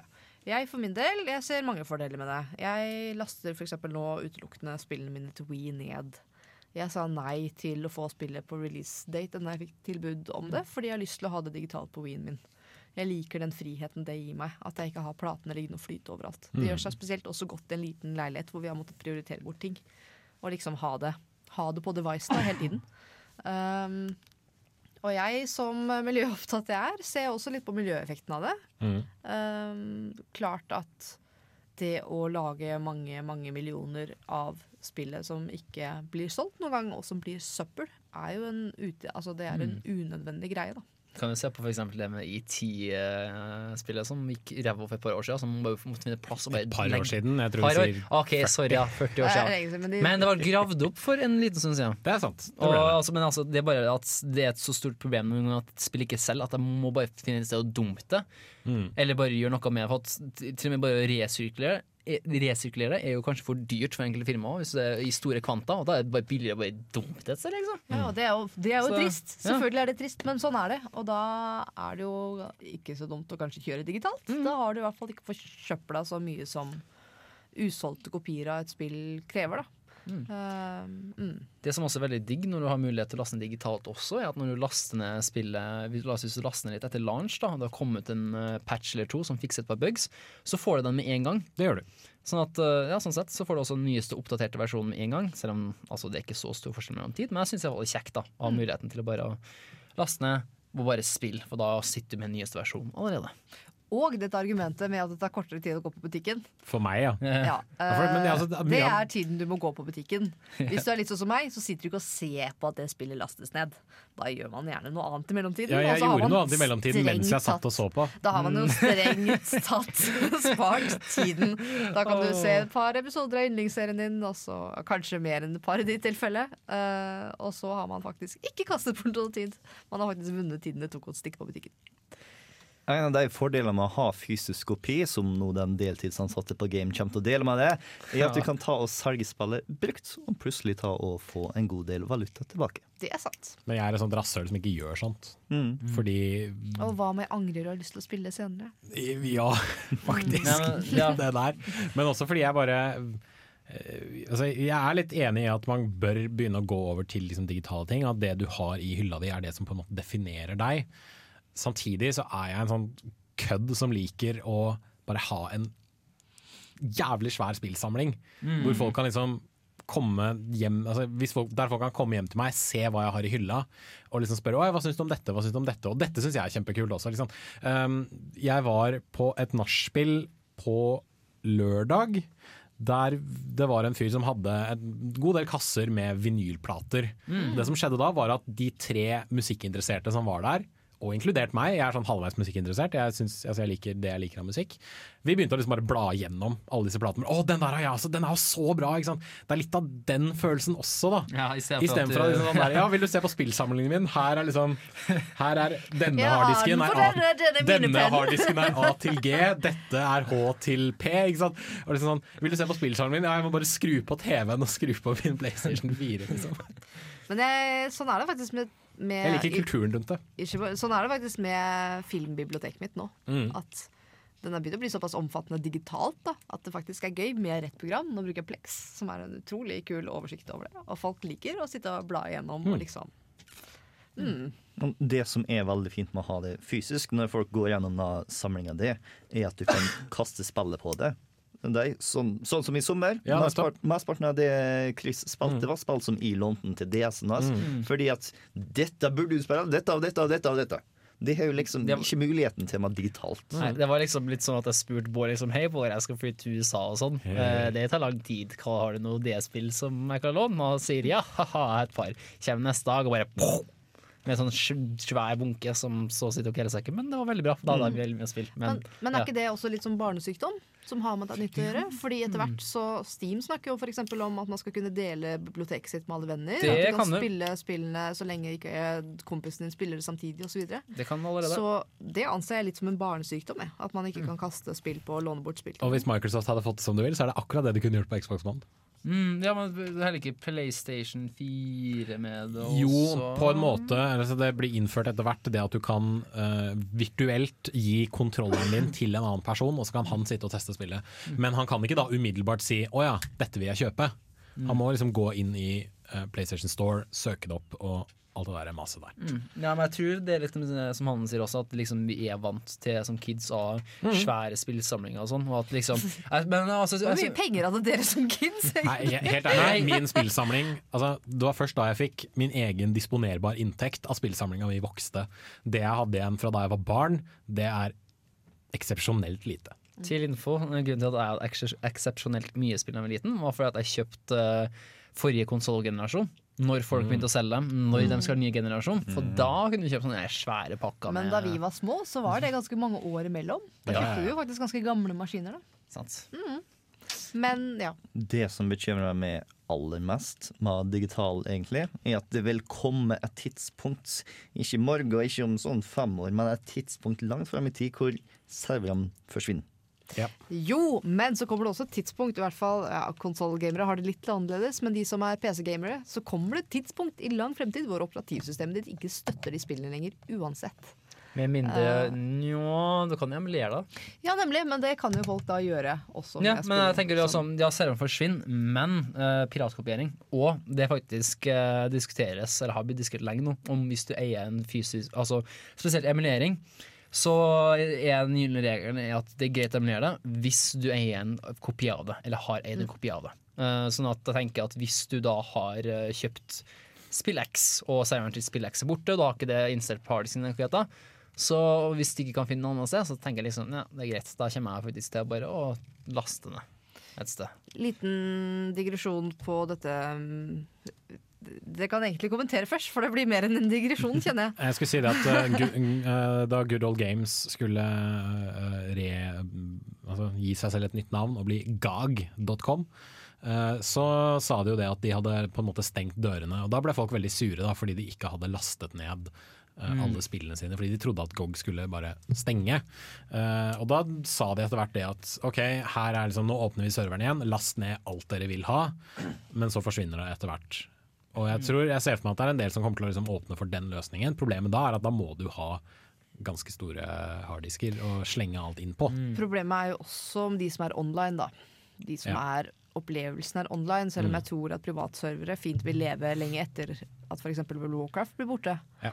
Eh, Nå kommer vi kanskje inn på et helt annet tema. Ja, Så Ja, det, er jo likevel, en, jo likevel en, en konsekvens av at, liksom, at mer og mer ting blir digitalt. At hva gjør Mm. man hvis, hvis Ja. serveren går til helvete, f.eks.? Mm. Eller liksom, hva, uh, Wii U, eksempel. Hvis din Wii U blir ødelagt, Mm. hvordan skal du få igjen alle de spillene? For de er knyttet til din spesifikke Mm. Wii U, ikke Ja. til din Nintendo-konto. Det. Og det er jo en risiko Og jeg det er en, det er en håpløs ting Nintendo What? har gjort. Ja, ja. Det er ikke sånn på Steam hvor du kan hente opp Steam-biblioteket ditt hvor som helst. Du må faktisk inn i Ja, din transfer, spesifikke Ja. Wii U. Mm. Og transfer. Eh, og hvis din Wii U ikke er tilgjengelig fordi den har blitt stjålet, blitt ødelagt, whatever, Mm. så har du et enormt problem. Og jeg tror Nintendo kommer til å havne deep shit for det. Jeg Ja. vet det. Og det er Absolutt. De har allerede begynt å havne i det, faktisk. Uh, ja. Fordi eh, folk kommer til å bli sure for det. For det kommer ikke tydelig fram Mm. når man laster ned. Og det er denne lange remsa selvfølgelig med brukerrettigheter som du sier ja takk til, men eh, fortsatt ikke helt innafor, altså. Et annet problem som er liksom problematisk med digitalt spill, jeg også synes er spill som baserer seg veldig på ikke bare å være liksom en offline-del, men også en online-del. For eksempel favorittspillet mitt, eh, eller en av favorittspillene mine, Metal Gear Solid Peace Walker. Hi, og Jens Erik sitter og bare sånn småflirer, men greit. Jeg bare så for meg, I jeg så for meg deg og Mikkel bare sånn, i et øyeblikk så bli til samme person. Så håpet jeg litt på at du skulle si Metal Gear Solid 3. Metal Gear Solid 3 har ikke en online-del. Jo, det har det. Har serveren din er nede. Ja, nettopp det. For da kunne jeg sagt Sad Siren, Eater! Nå gjorde du det, da. Men ja. Peace Walker sin online-del var sånn sånn. halvveis ålreit, men eh, altså, det var eneste måten du kunne unlocke enkelte achievements og få enkelte ting-tang. Og den serveren på, nå på PSP har blitt lagt ned, og de lager aldri en eh, local eh, wireless feature. Sånn at du er fucked. Altså, du får ikke spilt coop med noen igjen på PlayStation Portable, hvis jeg forsto den pressemeldinga rett. Men hvem er det som egentlig har en PlayStation Portable fortsatt? Nei, Bortsett fra deg. Men det er jo blitt stengt ned. Pokémon også har det. Oi. Serverne de ble stengt nå nylig. Det ble stengt i juli eller noe sånt, tror jeg. Eh, Men var ikke den nye Pokémon- Pokémon-banken kommet? Nei, ikke, ikke, ikke de nyere spillene. De har Tenker det du bra for fortsatt. eh, Eh, Diamond og Pearl? Ja, Hadde det er vel en denne- online-bit, Ja, tror jeg. riktig. Og jeg havna i trøbbel med det. Hva var det igjen? Nå kom jeg ikke på det i farta. Men det var noe jeg måtte aktivere, for jeg måtte ha en sånn ID for å gjøre noe i spillet. Mm. Og det ID-en kunne jeg bare få ved å laste ned eller koble meg opp mot dette nettet. Ja. Og det kunne jeg ikke fordi det var lagt ned for lengst. da De har jo også stengt uh, alle Wii-serverne. Så hvis du vil spille Mario Kart Wii online, så får du ikke gjort det. Nei, du, å nei, ok. Så det er såpass nytt som er stengt ned, ja. Jeg mener det var en nyhetssak om det for ikke så altfor lenge siden. Skal jeg spare, ja, men det går enig med at de skal liksom spare kostnader og sånn, men det er kjipt, ass. Altså, det er noen som setter opp sånne her privatservere og sånn nå, og har hørt at World of Warcraft selger jo enkelte av sine gamle servere også. Jeg vet ikke om de er funksjonable, men uh, uansett, det, liksom, det krever noe at uh, bare, Det virker som at spillutgivere bare liksom lemper over ansvaret til uh, en eller annen bruker med serverkraft, og bare Hei, Mm. ja, vi slutter. Hvis noen har lyst til å fortsette, så ja, dere får gjøre det sjøl. Sånn som, men sånn som i hvert fall Wii-spill tenker jeg at så lenge det er populært, så burde jeg altså det, Og hvis populariteten minker veldig, så burde det jo ikke være så kostbart å holde få servere oppe som kan støtte Nei. den lille kapasiteten. Men hvis jeg. du er en utgiver av mange spill, da, så blir kostnadene fort ganske svære. Det er riktig. Nintendo stengte alt uh, 20. mai, jeg sjekka nettopp på PC-en, men det er noen sånne hobby-mennesker som eh, lager sine egne servere som du kan Homebrew, koble ass. Jeg elsker de folka der. Ja. Så det er noen supernerder som alltid som kommer til å gjøre ting litt sånn som de vil. Uh, men uh, offisielt så kan du ikke gjøre det. da Så Med mindre du er en sånn PC-fyr som gidder å gå inn og, og tukle med ting, så får du ikke spilt f.eks. Mario Kart over nett. altså ikke Jens Erik. Nettopp. Nå kan dere begynne å grine. Nå kjører jeg på med den digresjonen jeg tenkte i stad, som ble så stor at jeg venta med den. Kjør på. Eh, det at vi har hatt få spill, antar jeg da, når vi var mindre. I hvert fall jeg vet at det er tilfellet for noen av dere. Alle av dere?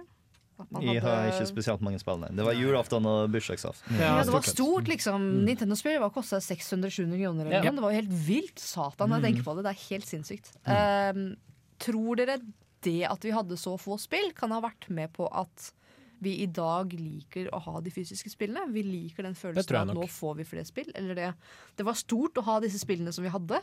At det på en måte har blitt med oss inn i den eraen hvor vi får ganske mange spill. Mm. Kanskje, men jeg tror også det kommer en viss sånn samlementalitet til det å være fan av noe. Mm. Um, det finnes jo selvfølgelig de som tar det langt lenger enn oss. Uh, altså liksom jeg misunner uh, James Rolfe, aka Angry Video Game Nerd, for alle spillene han har i samlinga si. Han har jo en kjeller full av spill. Mm. Samtidig så merker jeg det at jeg vet ikke helt om jeg ville hatt hele den samlinga, for tenk hvor mye liksom, støv du må tørke fra alle de kassettene. tenk hvor ofte du må gå inn med uh, sånn, uh, liksom alkohol og en q-tip og liksom skrape av drit Mm. fra alle de der chipene og alt mulig sånne ting. Men uh, det, jeg tror det er rett og slett at det kommer en samlemani ved det å være så liksom, lidenskapelig opptatt av noe som man kanskje kan bli. da. Men samtidig, hvis du sånn samler man i så veldig mye i kjelleren, så finnes det måter å preservere det på slik det ikke kommer støv, dritt eller andre ting også.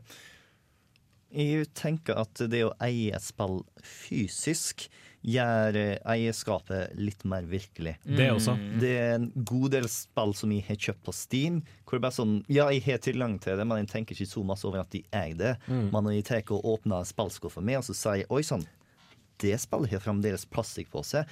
det er på tide å spille det spillet. Jeg har faktisk litt omvendt det nå. Ja.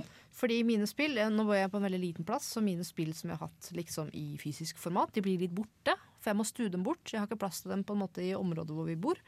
Uh, mens de spillene som jeg har nå valgt å laste ned uh, digitalt, for det er ikke så mange på Wien, de har jeg på en måte, det er de spillene jeg er kjempeglad i. Så Mm. når jeg plukker opp Wien min, så ser jeg den oversikten, og så tenker jeg at ah, hva, hvilke av disse skal jeg kose meg med i dag? Liksom? Jeg har kjempelyst til å spille alle sammen. Velge meg ett som jeg har lyst til å spille. Så jeg føler det er litt omvendt. Men jeg regner med at uh du ikke føler den samme måten på Steam-kontoen din. Steam-kontoen gjør jeg ikke det, men det har med mengden å gjøre. Og jeg tror kanskje jeg Mm. hadde hatt litt samme følelsen hadde jeg hatt den mengden fysiske ting. Eller den mengden med VU-spill. Ja, altså, ja, for eksempel. Kanskje det har mer med mengde å gjøre enn det fysiske formatet. Mm. Mm. Uh, jeg hadde en kommentar til. Det ble helt borte. Nå ble jeg så engasjert! Men liksom jeg tenker igjen, da. La oss si hvis jeg hadde hele Steam-samlinga mi fysisk. Har det helvete. Altså, jeg tenker at uh, jeg, det, er ikke- det er kjempeærlig for meg at jeg bare kan uh, Altså, Siden vi har kommernett, så setter jeg PC-en min her der vi har universitetet sitt nett. Og bare sett, sier til datamaskinen at last ned alle sammen, sånn 120 spill, og så bare lar jeg maskinen ligge der i to dager. Istedenfor at hvis jeg skulle ha installert dem sjøl, så måtte jeg putte inn en plate, installere, vente ferdig, dra ut, sette inn ny plate. Liksom gjør det, da. Det har vært kjempetungvint. Nå vet jeg at ikke i hvert fall eh, Jens Erik og Bård, dere er kanskje ikke sånn plug-in-mennesker eller, eller sånn downloadable, downloadable extras, eh, add-ons-mennesker. DLC tenker du på? Ja, DLC blir liksom liten oppgraderingspatch, litt sånn ekstra del til selve spillet. Jeg tenker mm. mer på sånn add-ons til World of Warcraft, for eksempel. Ah, modding og sånt. Modding, ja. Ja. Nei, ikke i det hele tatt. Det- Skyrims- Bethesda-spillet min er stappfull av mods. Skyrim og sånn? Mm. Er det Ja, OK. Jeg, jeg, altså jeg har sagt det før, jeg er ikke sånn veldig til PC-gamer. Nei.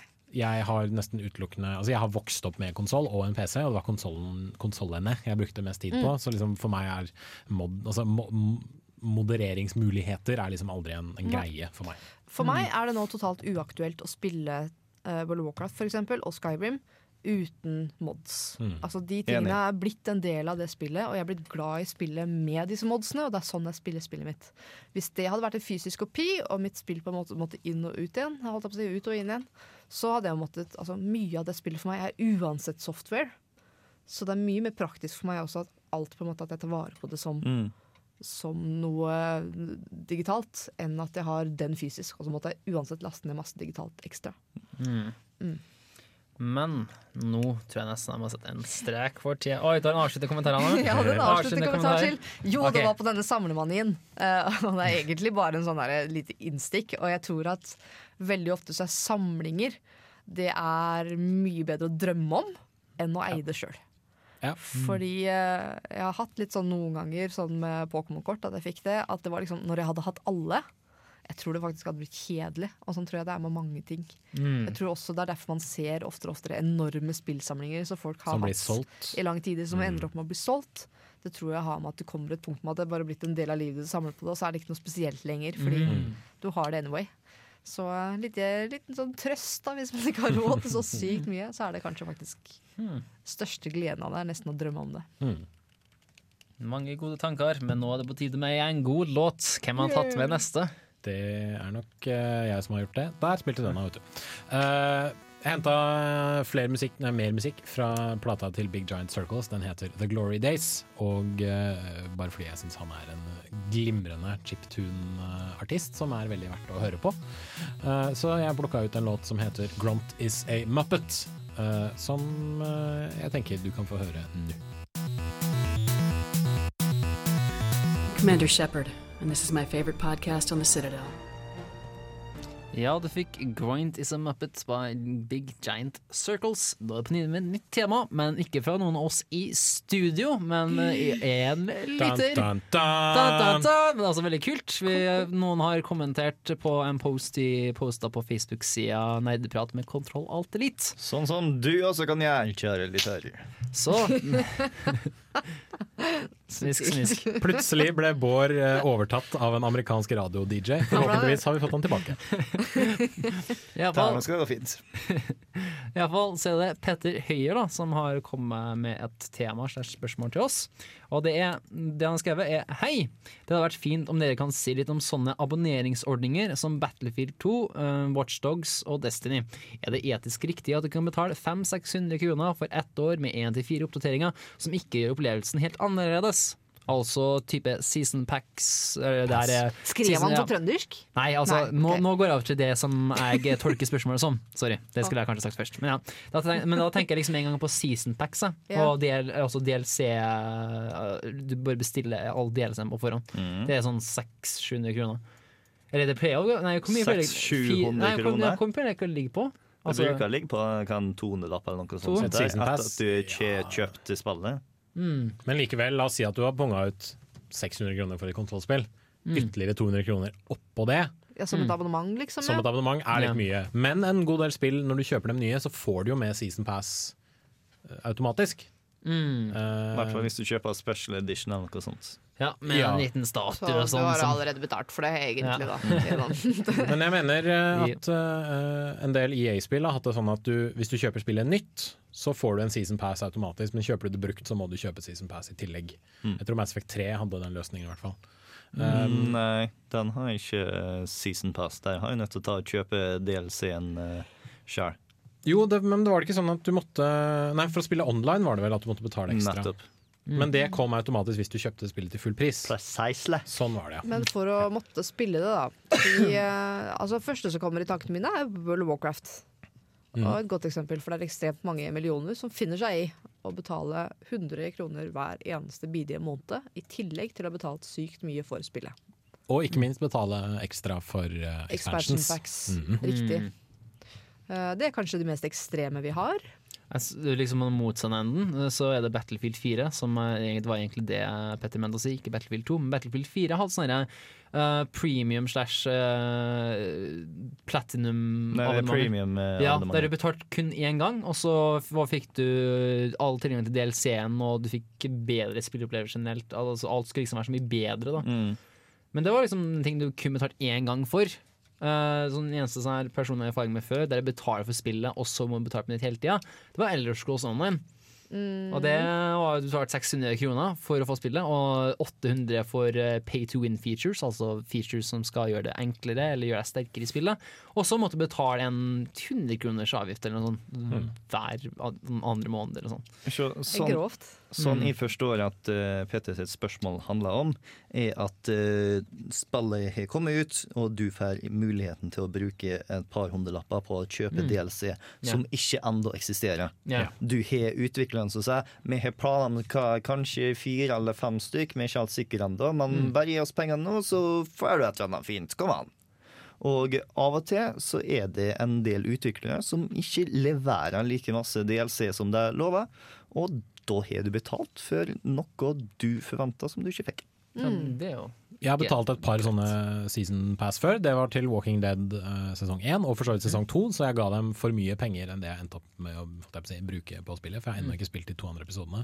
Men uh, sånn Bård beskriver det, så for meg så lyser dette her en svær rød varsellampe. Uh, og det er den samme varsellampen jeg får når jeg hører at et spill skal ut i Early Access. Mm. For min del blir dette her egentlig nøyaktig det samme. At du kaster penger etter noen etter et løfte, og de er ikke bundet til å oppfylle dette løftet i noen som helst stor grad. Mm. Uh, vi har sett det nå nylig, uh, da, at, liksom, at dette, denne early access-modellen kan slå feil. Og folk ble kjempesure da Double Fine sa det at uh, dette Space-based DF9-spillet som vi har holdt på å utvikle en del, og som dere kan ha kjøpt gjennom Early Access, det skal vi nå bare si oss ferdig med, fordi vi får ikke mer penger.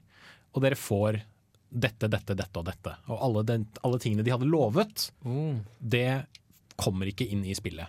Men de åpnet kildekoden og sa det at her, hvis dere vil modde inn ting, skal dere absolutt få lov til å gjøre det, men eh, vi kommer bare til å rydde opp bugs og store feil, og Mm. alt annet er liksom bare opp til dere sjøl. Folk ble kjempesure, og jeg skjønner for så vidt hvorfor, fordi de føler at de har blitt lovet én ting, men har betalt for noe helt annet.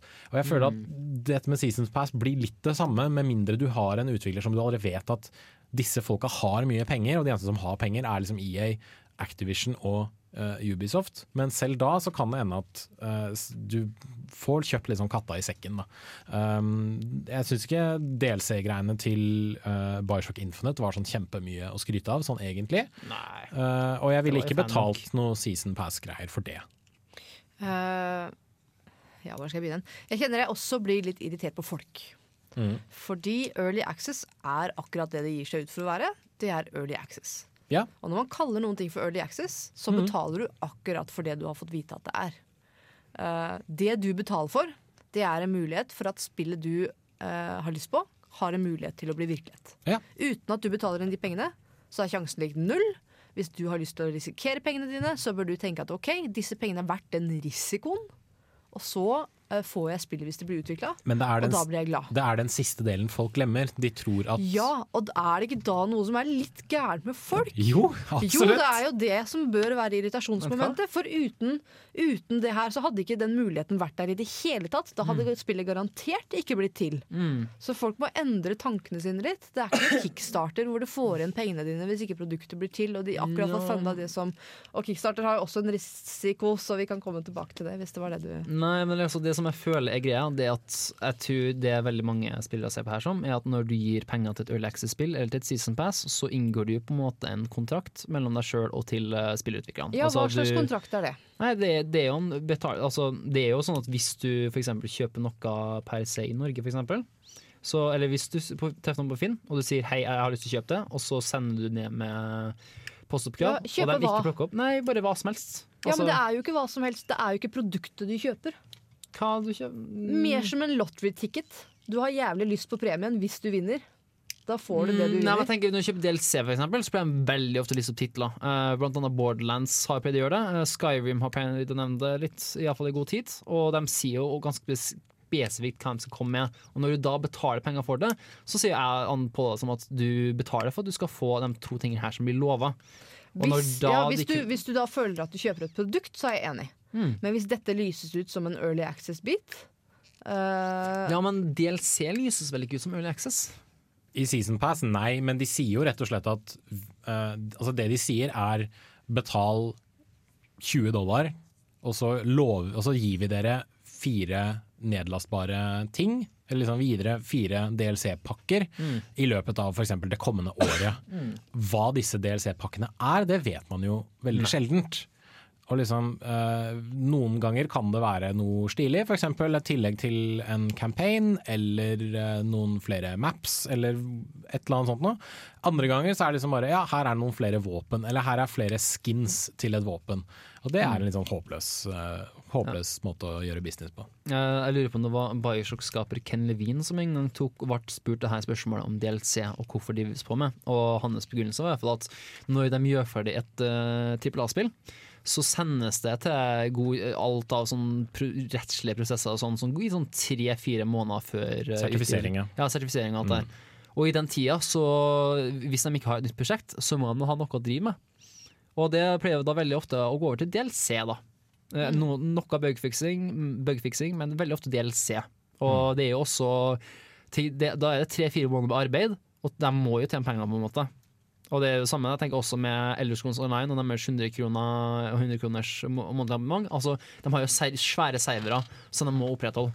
Og det er samtidig kjipt, men jeg tror samtidig det er nødvendig. Da. Altså, de kan ikke få en server til å magisk kjøre uten at, å få det til å liksom gå opp. Da er liksom Det er valget drifts- enten at du har reklame, eller at du Ja. betaler for det. Det er driftskostnader. Utviklerne også. Det er ikke bare servere som er driftskostnader. Du har ansatte. Det Mm. er ikke som om du hyrer inn produktet. Da, du hyrer ikke inn kraften til å bare få produktet. Dette er jo Mm. mennesker med, med en jobb, og det må jo til for at disse tingene skal bli noe av. Mm. Ofte. Unntaket her syns jeg det er eh, hvis man blir kastet penger på for å produsere noen ting, med et løfte uten å forbinde seg til noen ting, venter til pengene dabber av, som er en risiko, Mm. og når det stopper opp med at folk ikke donerer mer, så avlyser du prosjektet. Fordi det også er en risiko for. Her er det jo på en måte lite sikkerhet begge veier, da. Og du Ja. risikerer veldig veldig mye mer. Det blir som en kickstarter uten denne, dette sikkerhetsnettet, på, på sett og vis. Sånn jeg forestiller meg at dette foregår bak eh, kulissene, er at du har en hælhemma utvikler, så ser man hælhemma ideer de ikke fikk gjennomført i eh, det originale spillet, som de har lyst til å få i DLC. Og så har vi selvfølgelig en hælhemma utviklere som trenger å bli sysselgjort i en periode, mens eh, de nye spillene blir ferdig med pre-production. Og de har da lyst til å lage DLC. Og så har du de folka som sitter med regneark og eh, bokfører, som sier at OK, eh, for å ta og få eh, muligheten til å lage den DLC-en dere virkelig har lyst til, så må vi være sikre på at vi tjener x millioner dollar. Mm. Så for å finne ut hvor god interesse det er for slik DLC, så tar vi et season pass, fordi at vi vet at eh, hvis vi får så masse i season pass, så får vi sånn et par ganger mer totalt av folk som kjøper ekstra. Mm. Og da forventer jeg å ja, selvfølgelig, spillet vårt solgte skikkelig bra, så uh, season pass 5 er solgt masse av. Og så får jeg ikke solgt like masse season pass, og så plutselig OK, dere har lyst til å lage alt dette som er kult. Det har ikke budsjett til. Så kan man ta og eh, denne story-DLC-en, den må bære bort. Ta og Lage noen skins eller noe i stedet. Det, det har vi muligheten til, og så er vi teknisk sett innenfor det vi lovte. Det er likevel en håpløs ting. Altså, da føler jeg at du lurer forbrukerne litt. Altså, ja, du Mm. sier at dere skal få noe ekstra, men det er mye mer verdi, i anførselstegn. Og nå, nå er man veldig inne på dette med spilletid og pengebruk. Og det, den diskusjonen liker jeg egentlig ikke, men det er mer verdi, i anførselstegn, for ekstrabiter til en campaign f.eks., enn skins til et våpen. Det er enig men greia er de har ikke pengene til det. Det er sant. Det er håpløst. Jeg tror faktisk, Nå tror jeg min indre studentøkonom slår frem. For at jeg tror mitt tips vil kjente å være vent. Altså alt Ja. av utgifter. Hvis det er sånn abonnement, prisene går ned etter hvert for å få tiltrekke flere. Når det er snakk om season passes og DLC, til slutt så kommer det en Ultimate Edition eller en Legendary Edition eller Game of the Year Edition. Ja, Game of the Year Edition som bare er så sjukt mye billigere, og det kommer alltid til å være andre folk, eller nok av folk som kommer til å kaste nok penger til at det blir utvikla, spesielt hvis det er et tippel A-spill. Så at, ja, jeg pleier å vente. Hello, Sånn Skyrim. Bare vær klar over at dersom du venter, så er du en av de som er stille med lommeboka i, som får sa folka med regnearka sine til å finne ut Nei, det kommer ikke til å være så mange som kjøper likevel. Vekk med store DLC. Og det er jo det som er poenget. Det er Mm. det som er absolutt hele poenget. Er at tilbud, etterspørsel, Mm. går opp i opp i en mye mer direkte måte enn det man er vant til. Uh, hvor etisk og riktig det er, det føler jeg har ekstremt mye med markedsføring å gjøre. Hva yeah. du markedsfører det som. Mm. Hvis dette, altså, jeg syns kanskje kunder i større grad har rett til å få vite om dette er et risikabelt prosjekt eller ikke. Samtidig som at man kanskje ikke skremmer bort kunde. da At man finner en Mm. litt sånn gyllen middelvei. Ja, for- Jeg syns det mest Eller hadde du en kommentar? på Det er fordi at det er en skjult risiko Mm. at dette ikke blir like etisk som dersom de visste fra før at de definitivt har dette budsjettet. Mm. De har gutsa på å lage et spill uten å gjøre det her. Mm. Selve spillet for eksempel, blir produsert. Mm. Det koster så og så mye. Du vet hva du får når du kjøper dette spillet. Mm. Det er en risiko som utviklere tar, fordi de kan være med på å manage. Altså Der har du et mye større apparat og et mye større som er lagt opp til at dette skal bli et godt produkt. Jeg kan godt se for meg, hvis det er litt sånn som Bård sier, at kanskje litt av resteideene Kanskje de som har falt litt bort under produksjon, som ikke nødvendigvis man tør å gutse like mye på og tør å ta sjansen på. Ellers så hadde man ikke hatt de samme formene for store navn som man tør å satse på når det kommer til å produsere spill. Mm. Det er mange faktorer inni her, altså. Men uh, jeg i hvert fall står litt på den med at så lenge man vet hva man bruker pengene sine på, så er det ikke et problem. Det er faktisk snarere noe som jeg, i hvert fall jeg setter pris på. Jeg kunne fint kasta penger etter noen for Selda-ting, uten at jeg visste at det ble bra. Så lenge det så ut til å bli like bra som denne traileren, denne fake-traileren som kom, eksempel. Kunne jeg fint kasta noen hundrelapper på, og så hadde det vært greit. Så lenge det var det. At det ikke ble noe av, da. Så lenge det var det jeg visste at jeg kasta penger på. Mm. Noen avsluttende tanker? Det var det. Eh, avsluttende tanke slags oppsummering er vel at dette er et meget komplisert uh, emne som vi Mm. ikke klarer å diskutere. Eller som vi nå har diskutert i et kvarter, som vi kanskje klarer å diskutere i sin helhet om sånn en time. Uh, men det er i hvert fall noen tanker rundt det. Mm. Og hvis du Spill koster penger, og noen ganger så gjør selskap skittige ting for å presse penger ut av oss.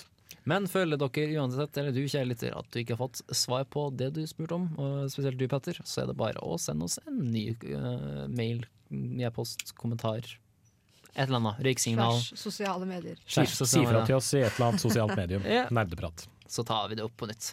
Mhm. Uh, hvem tok med seg K2-stamp? Det var nok jeg. Eh, jeg det er nok en låt fra et spill jeg aldri har spilt, men ofte finner gode låter ifra, nemlig Jet Set Radio Future. Og eh, det det er ikke så stort å si om dette spill, eh, låten her, bortsett fra kanskje artistnavnet, som er på skjermen altfor langt borte for meg. The. Latch Brothers. Nettopp. Som eh, har en den, Dette spillet har en veldig Bård-type soundtrack. Dette er musikk jeg liker.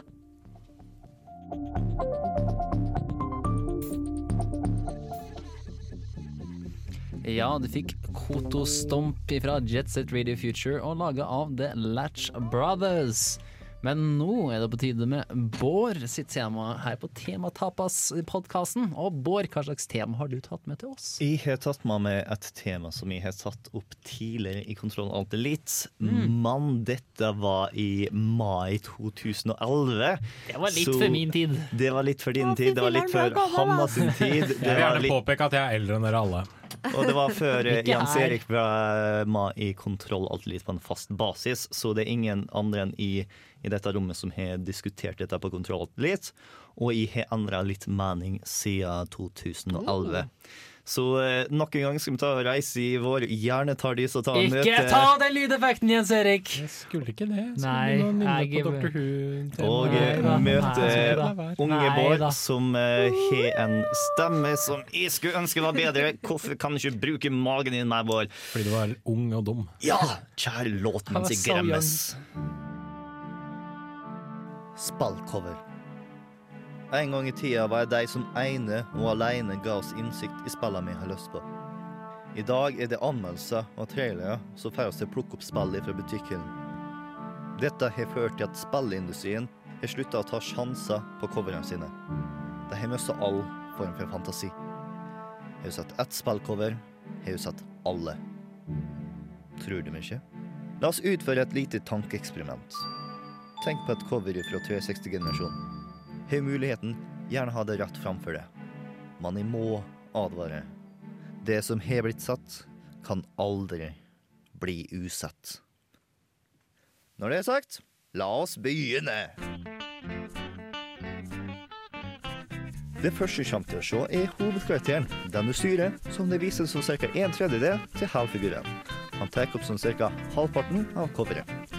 Han har gjerne også øyekontakt med, eller snur på hodet sitt, slik at han akkurat ikke har det. I hånda hans kan du finne tak i signaturvåpenet, eller favorittverktøyet hans, som er det første du får i spillet. Bak han er det mest vanlige og tidligste området i spillet, som gjerne også er feda ut for å ikke ta vekk fokus fra hovedkarakteren. Er noen andre på coveret, så er det enten Psychic eller den mest vanlige fienden i spillet. Tittelen til spillet er enten rett over eller rett under hovedkarakteren, og er alltid midtstilt. Om spillet er en oppfølger, er totallet alltid rødt. Coveret er også gjerne ganske monotont, og har bare én til to fargetoner. Bonuspoeng om disse to er oransje og blå. Og det er sikkert noen som sitter og tenker Nei, nå tok du kraftig feil nå. Og det kan være fordi at du sitter med et cover som kun har et rutenett av små bilder, eller et cover som kun har et objekt av seg, eller som bare består av en logo. Det kan også være fordi at du har en Collects Edition, hvor de kan våge litt mer, fordi at de vet at fansen kommer til å plukke det opp.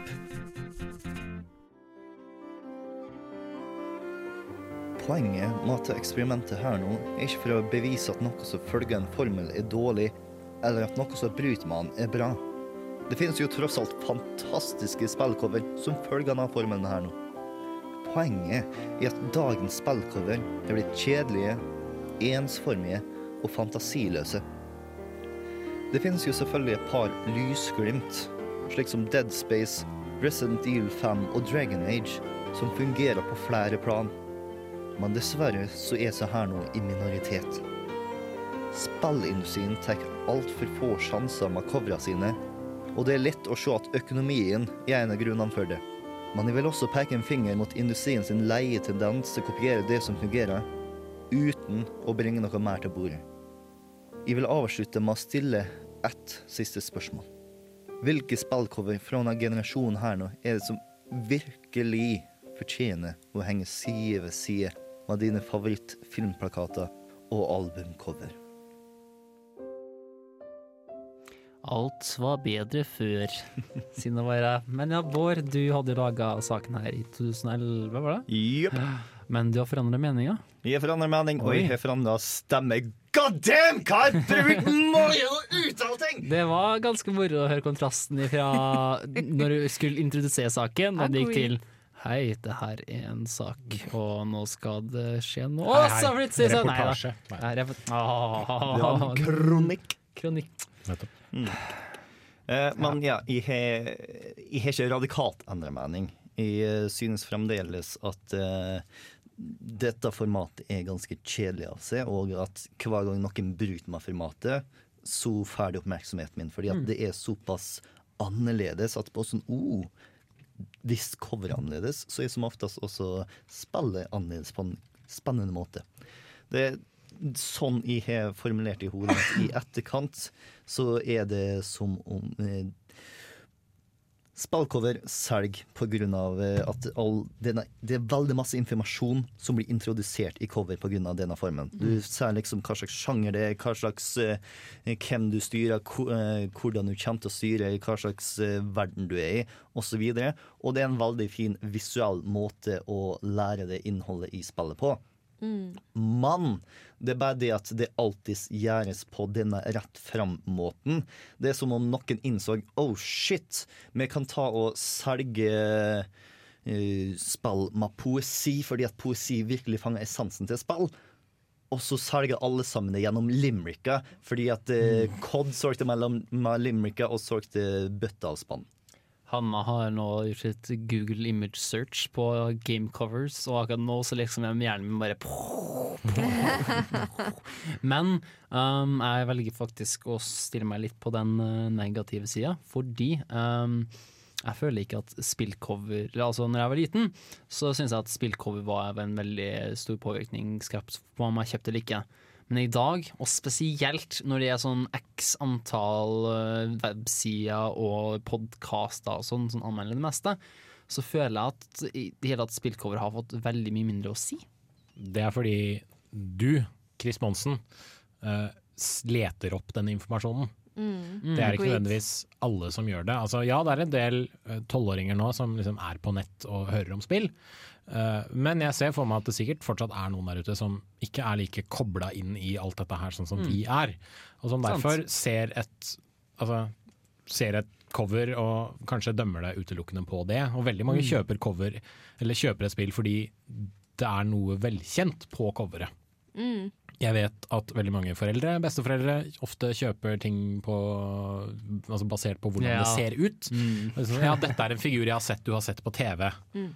Kan du ikke kjøpe dette spillet her? Og som regel er det et møkkaspill, men det er liksom beside the point. Og jeg tror utelukkende at veldig mange oppfølgere blir til av den grunn. Mm. Sånn My Little Pony 2. Å, min datter elsker My Little Pony! Nettopp. Yes, jeg fant hennes julegave. Det blir My Little Pony 2. Sønnen min syns Adventure Time er kjempegøy. Her er et Adventure Time-spill. Jeg regner med at det er bra. Adventure liksom. Time-spillet har de sagt var veldig bra, da. Hvem av dem? Det fins to. Mm. Det kommer et tredje. Det tredje spillet skulle være ganske bra. Det som kom på PlayStation 3, var så som så. Ja, nettopp. Men uh, ja, det, det er ofte det som kan skje, tenker jeg da. Eller Mm. vet jeg, for så vidt. Mm. Um, og det er en fordel og en fordel og en ulempe, det, for så vidt. Men Mm. eh, vi var jo ofte sånn tidligere at hvis vi så noe som så litt kult ut på coveret, så kjøpte vi det jo derfor. Og det Jeg har for gjør vi sikkert del fortsatt. Ja, unnskyld, Chris. Nei, det var altså et spillcover som er kjempeskikkelig bra. Og som er faktisk eh, Sorry, ass, men jeg, jeg dømte faktisk enkelte folk som kjøpte her i begynnelsen, fordi det var coveret til Catherine. Mm, yes. For at eh, det, altså det, det coveret er at hun holder på å eh, holder på å ta av seg eh, tanktoppen eller noe sånt. Men ikke, ikke sånn at du liksom ser noe, men likevel, det ser jævlig rart ut. Og så på andre alternative coveret så er det vel Nei, på det coveret så er vel, har du hovedpersonen, Du har to forskjellige Catherine. Den Ja. er Catherine Massé, og den andre er Catherine Macau. Og så har du bare masse sånne små Eller du har den samme duden, da, men i mange små versjoner som bare klatrer rundt, og som også er protagonisten i spillene. Og um, det så bare rart ut. Altså, jeg, jeg, kunne liksom ikke helt skjønne folk som plukka det. Sånn, really? really? Jeg sa det ikke høyt, men jeg var sånn mm, Men etter jeg spilte, så var jeg sånn Oi! Oi! Oi! Jeg ble påvirka av det spillcoveret. Og det var veldig interessant. Også Nei, for det spillcoveret til Catherine klarer å gjøre, er å ta og gi den her her med visuell informasjon om hva spillet handler om. Det første som slår det, er én, det er seksuelt. Noe Mm. spillet handler veldig masse om. Eh, to, du har en enorm kvinnekropp som er svært dominerende over en ganske liten kar med eh, horn og kun Mm. i bokseren, eh, som representerer spillet ganske godt, fordi at Mm. dette er en kar som ikke klarer å håndtere kvinnfolka i sitt liv og har ekstremt kalde føtter pga. det. Mm. Og så er det selvfølgelig masse klatring, fordi at det er gameplay du gjør. Det er veldig symbolsk for dem som har spilt det, og det er derfor det er også veldig kult. Mm. Men da er problemet min at det mikser ikke så godt med dem som ikke har spilt det. Det er ikke det bestefar og bestemor kjøper. Nei. Nei, det er ikke det. Og sånn. det er ikke det jeg burde kjøpe til barna Det hadde sine. vært veldig kleint. Yeah. Mission accomplished. Og selvfølgelig, hvis du ikke har spilt det, så ser det sært japansk ut, noe spillet selvfølgelig er. Mm, men det er bra. jeg tenker at jeg har fått et mindre og mindre forhold til gamecovers. Jeg. Mm. jeg tenker at veldig mange av de spillene spiller i dag, jeg aner ikke hvordan coveret ser ut. Tror du det er en konsekvens av at du nå kjøper flere og flere spill digitalt? Selvfølgelig. Selvfølgelig er det det. Mm. Det har også litt med det at jeg søker opp informasjonen, så jeg ser så mange bilder at jeg tenker ikke over hva som er cover og hva som er bilde videre Mm. videre. Um, men ja, definitivt. Men ja, pussig. Pussig greie. Før men, så visste jeg Ja, fortsett. alt Med, med, med fare for å liksom eh, runke barndomsheltene våre enda mer, så syns jeg fortsatt at Nintendo er dyktige til å lage spillcover som kanskje følger trenden til en viss grad, men som likevel har litt sånn visuell teft ved seg. Mm. Altså, Mm. eh, jeg syns ikke Hyrule Warriors var et kjempekult spill, men spill, altså, coveret til spillet ser veldig kult ut. Selv om det er egentlig, den oppfyller egentlig alle kriteriene som Bård nevnte i liksom, kronikken. At du ser eh, de spillbare figurene i helfigur, de har liksom sine våpen, og liksom spillelogoen står over dem, og liksom alle de greiene der.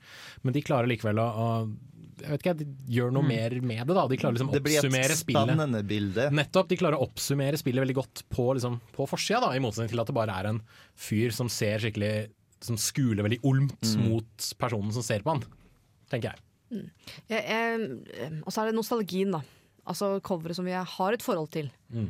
uh, som er spill som jeg kanskje liker veldig veldig godt. Så kan jeg eksempel Ocarina of Time kan jeg få en ekstremt sånn jiddy følelse i hele kroppen Mm. når jeg ser originalcoveret. på en måte Når jeg ser boksen, og når jeg ser liksom Mm. denne svarte boksen, gullskrifta, og liksom hesten som rir over Hyrule, som selvfølgelig er det største første området du kommer til, og hovedhelten og tittelen, det også. Um, så gir det en god følelse. Så det er jo på en måte et av mine yndlingscover. Men det har jo mer med spill å gjøre, så jeg vet ikke om det tales. Et av eh, mine absolutt yndlingscover er Dead Space. Og det er ikke pga. på grunn av spillet, men av hvor fantastisk flink det coveret er til å visuelt fortelle det om spillet. Mm. Sånn coveret ser ut, så er det en arm ute i verdensrommet.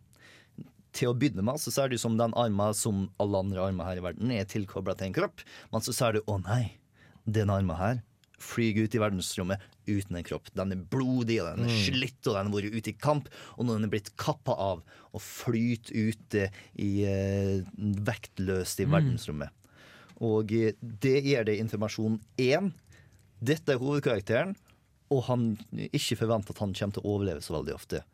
To, en viktig del av gameplayet i Dead Space er at headshots er bullshit. Det er armer og bein du skal ta kappe av. Tre, det får veldig klart fram at det er en skrekkspill. Og det at det er ute i verdensrommet, gjør det også veldig klart at det er en science fiction-film. Og det jeg synes er veldig kult med bildet, er at det, er, det føles veldig stille og rolig, samtidig som det er groteskt og skummelt. Og sånn er Dead Space. Det er veldig masse stillhet og stillhet før stormen, før det bare plutselig eksploderer i trynet ditt, og du er nødt til å reagere. Og så går du videre i Dead Space-serien. Neste cover til Dead Space 2 er Dead Space øverst, to tall rødt, og så er det maska til uh, hovedpersonen, som ikke Isaac. Isaac. Hvor uh, Fordi at det spillet én med at han ser rett mot det, du ser riktignok ikke øynene hans, men han ser mer bestemt ut med glødende øyne og alt mulig rart, tar og gjenspeiler at dette spillet har mer action. Dette spillet handler mer om hovedkarakteren og mindre om monstre. Dette spillet er mer rett på. Mm. Eh, og så kommer du til Dead Space 3, som er det spillet i serien hvor de eh, putta masse penger i det og bestemte seg for at jeg skulle ta og selge mer enn begge de to spillene før. Så det ble en med uoriginale ideer de kasta inn dit nå, bare for å få det til å bli en stor blockbuster.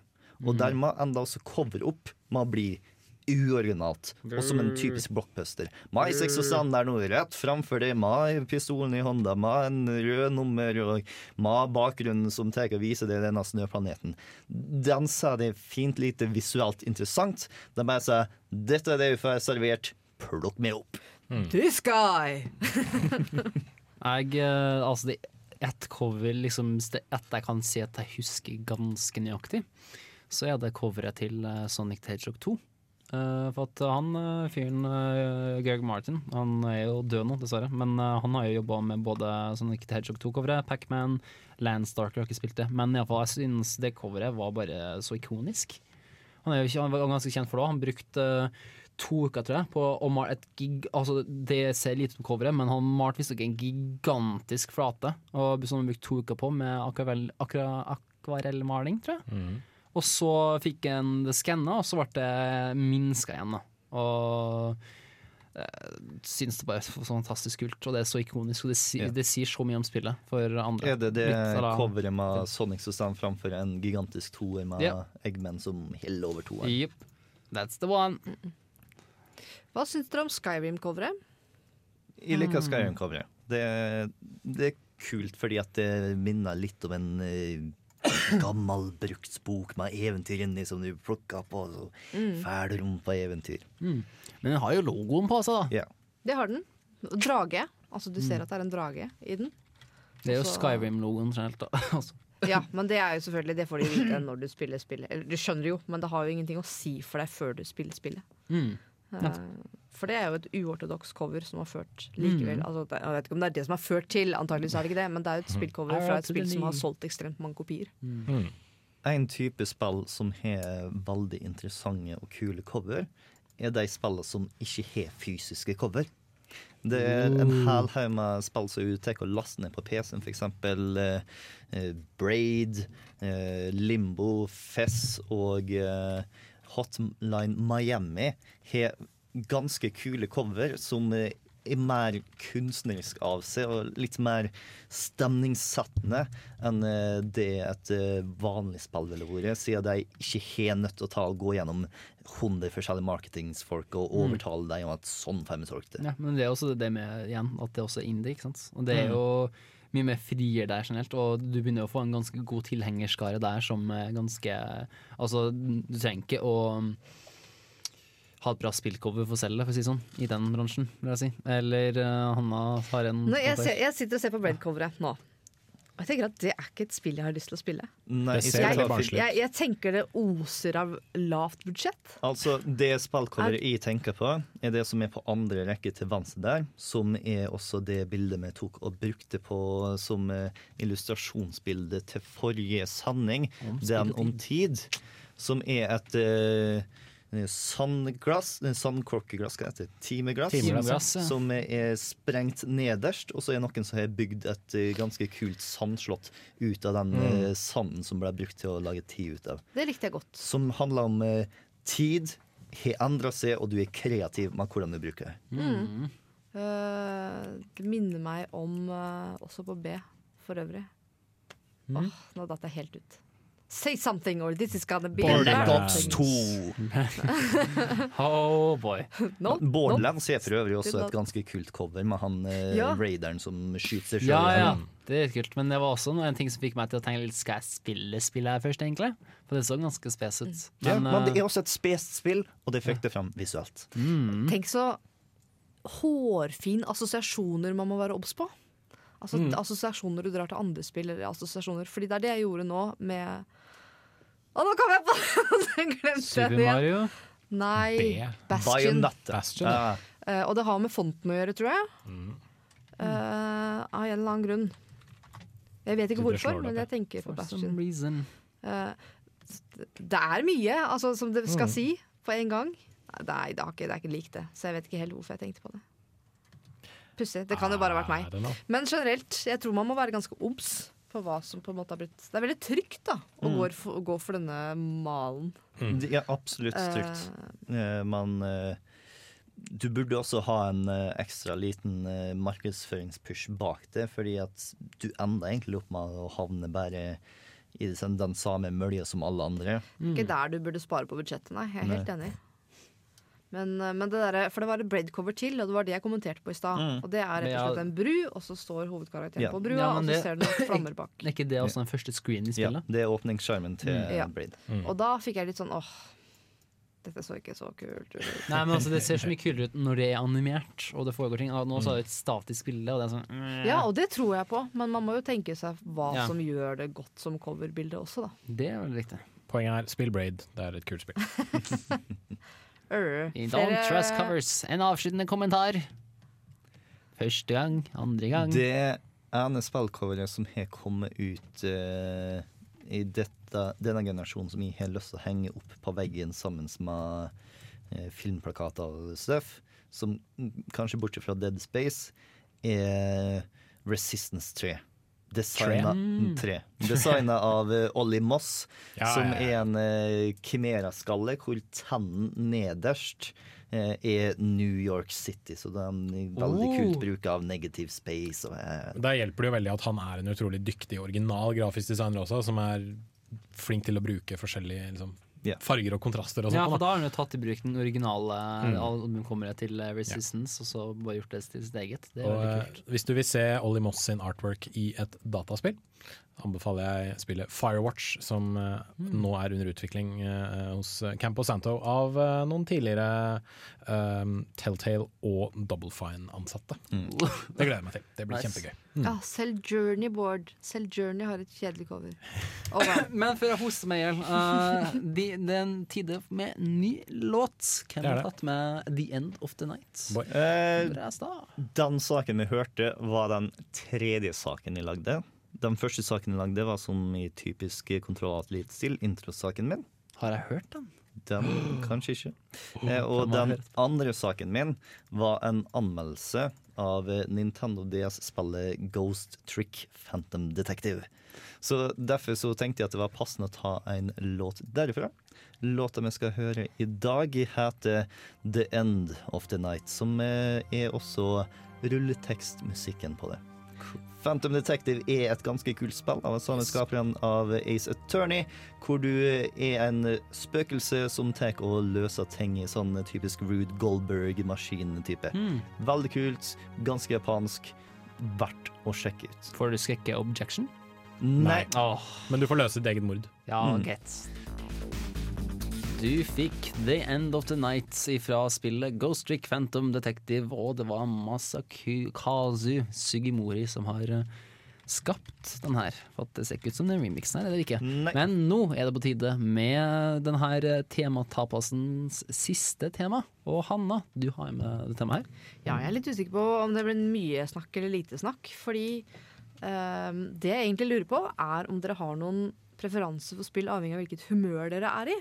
Er det sånn at dere spiller eh, Spiller eh, Spill Har det noe å si? Om dere er glad eller misfornøyd eller lei dere eller nedfor, eller velger dere tror dere, annerledes spill etter humøret? da? Jeg har et ganske personlig eksempel. Mm. Um, det er en veldig god grunn til at eh, Der var det voice crack. Til at jeg Ja. liker Mamma, kan jeg få gå på internett, eller? Vær så snill. Wow. Wow, Jens Erik. Nå som jeg skal fortelle en personlig også, men greit. Jeg skal, jeg skal, jeg skal vel late som ingenting Every time. Every time. Bare fortell du, Chris. Ja, jeg skal gjøre det. Um, jo, Selda Mures Mask synes jeg det er et spill som jeg veldig ofte går til hvis det har skjedd noe liksom ganske heavy. da Mm. Altså en type Hvis det er noe galt eller skjedd noe med en familiemedlem, eller hvis det har skjedd noe tragisk. Sånn. For at jeg synes spillet håndterer Eller det som tiltrekker meg veldig mye til spillet, er hvordan det um, uttrykker um, sorg. For at det um, Jeg husker ikke om det Jo, det var Game Theory snakka blant annet om her, at Mm. det, det, de følger en uh, ganske kjent De fem tilstandene det er fem av sorg. av sorg. Og det, det er flere av dem, uh, ikke alle steder, men det er spesielt flere historier inni her. Blant annet om historien til Skull Kid som liksom blir dytta ut. Mm. Den kjenner jeg meg veldig igjen i. Og også det med ja, bare alle de liksom, små øyeblikkene gjennom hele Mm. Marias mask er ganske spesielt, og det er derfor jeg, blir, jeg liker å spille det da, når det er litt heavy. Hmm. Mm, Noen andre som har et spesielt spill?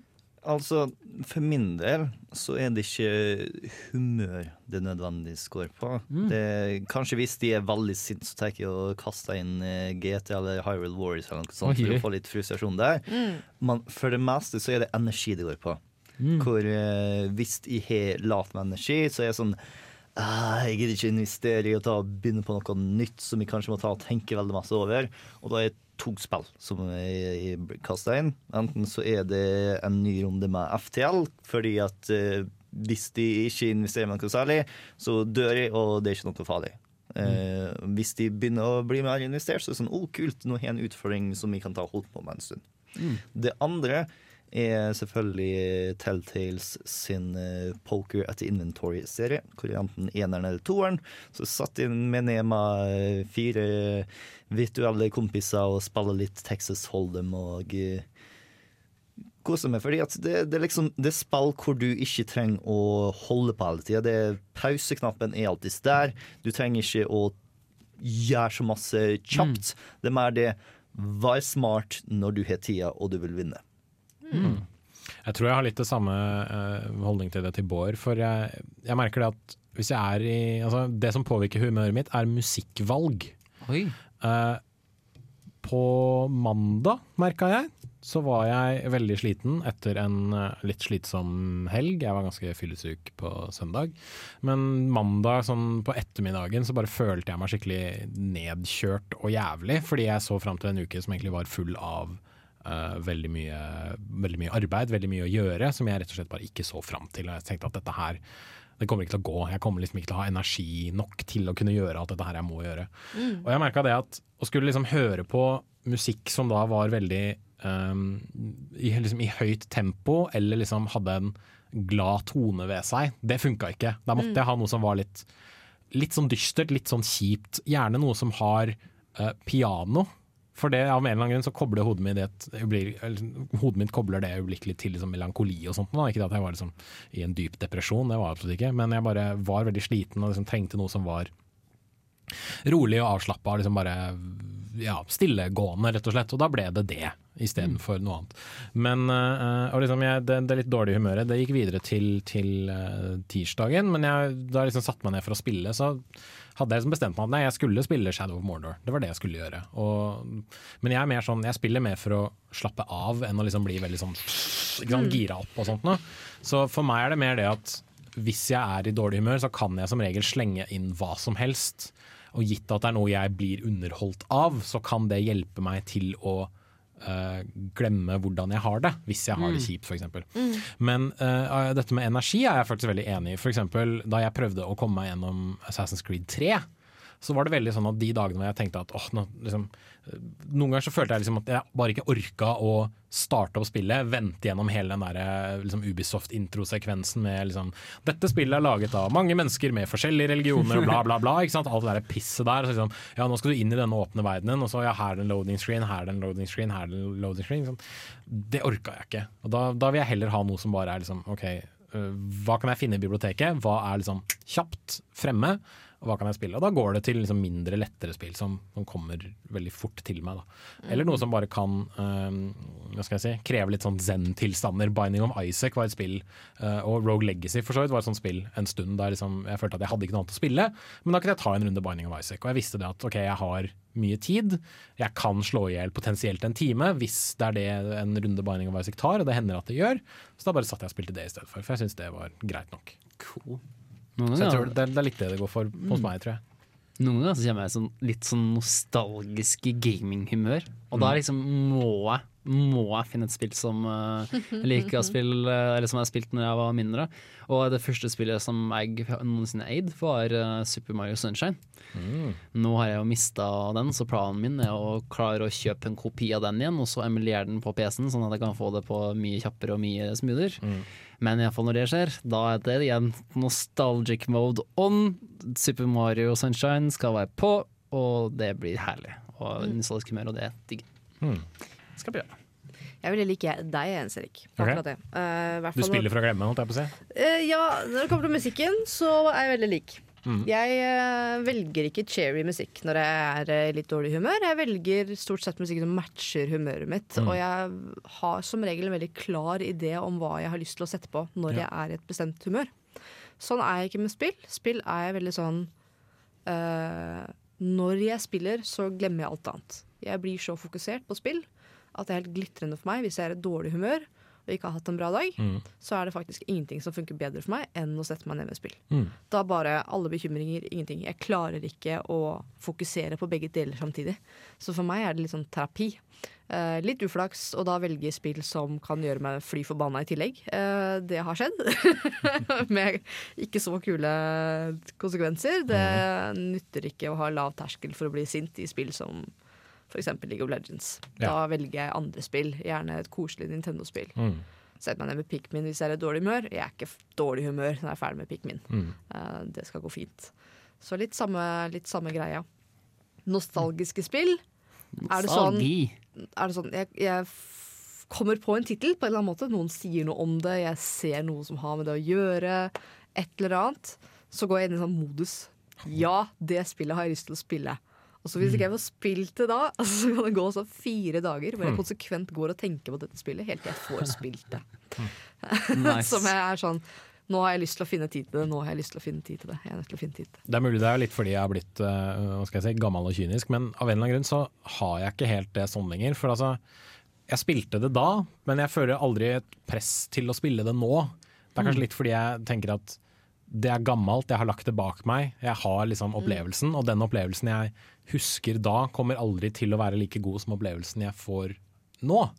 Kanskje? Tror jeg, jeg, tror jeg er min holdning lite grann. Da. Hvis det er et gammelt spill jeg ikke har spilt før, f.eks. Uh, Super Metroid, begynte jeg å spille en del i sommer, da det ikke kom ut så veldig mange andre spill til Wii U. Da var det sånn, ok, da kan jeg spille litt Super Metroid.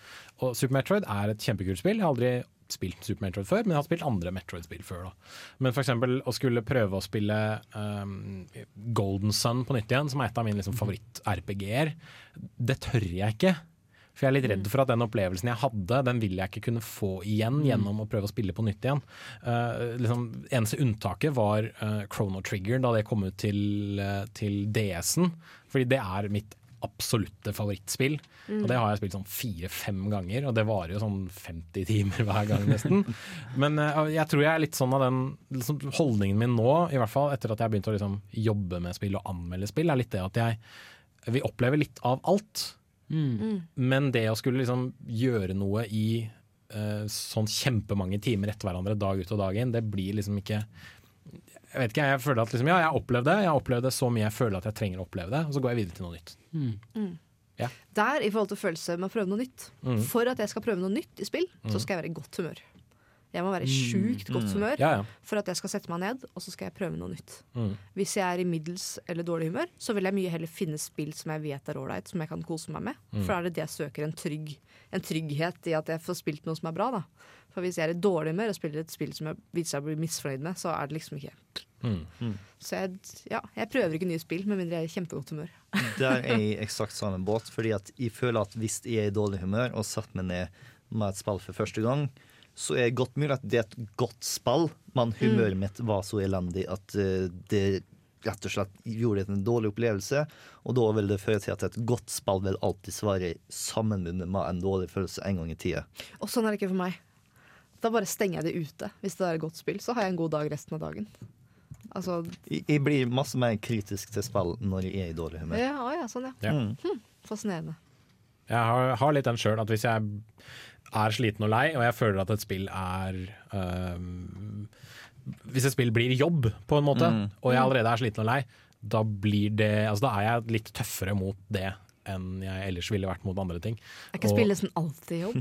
Jo, For det, til en viss grad er det for så vidt det. Men, eh, men eh, hvis det er noe jeg Hvis det er noe som er kjent, og dermed jeg vet at liksom, okay, jeg kan sette meg ned, ta tak, og så pang, så har jeg liksom henta opp det jeg trenger av muskelminne, holdt jeg på å si.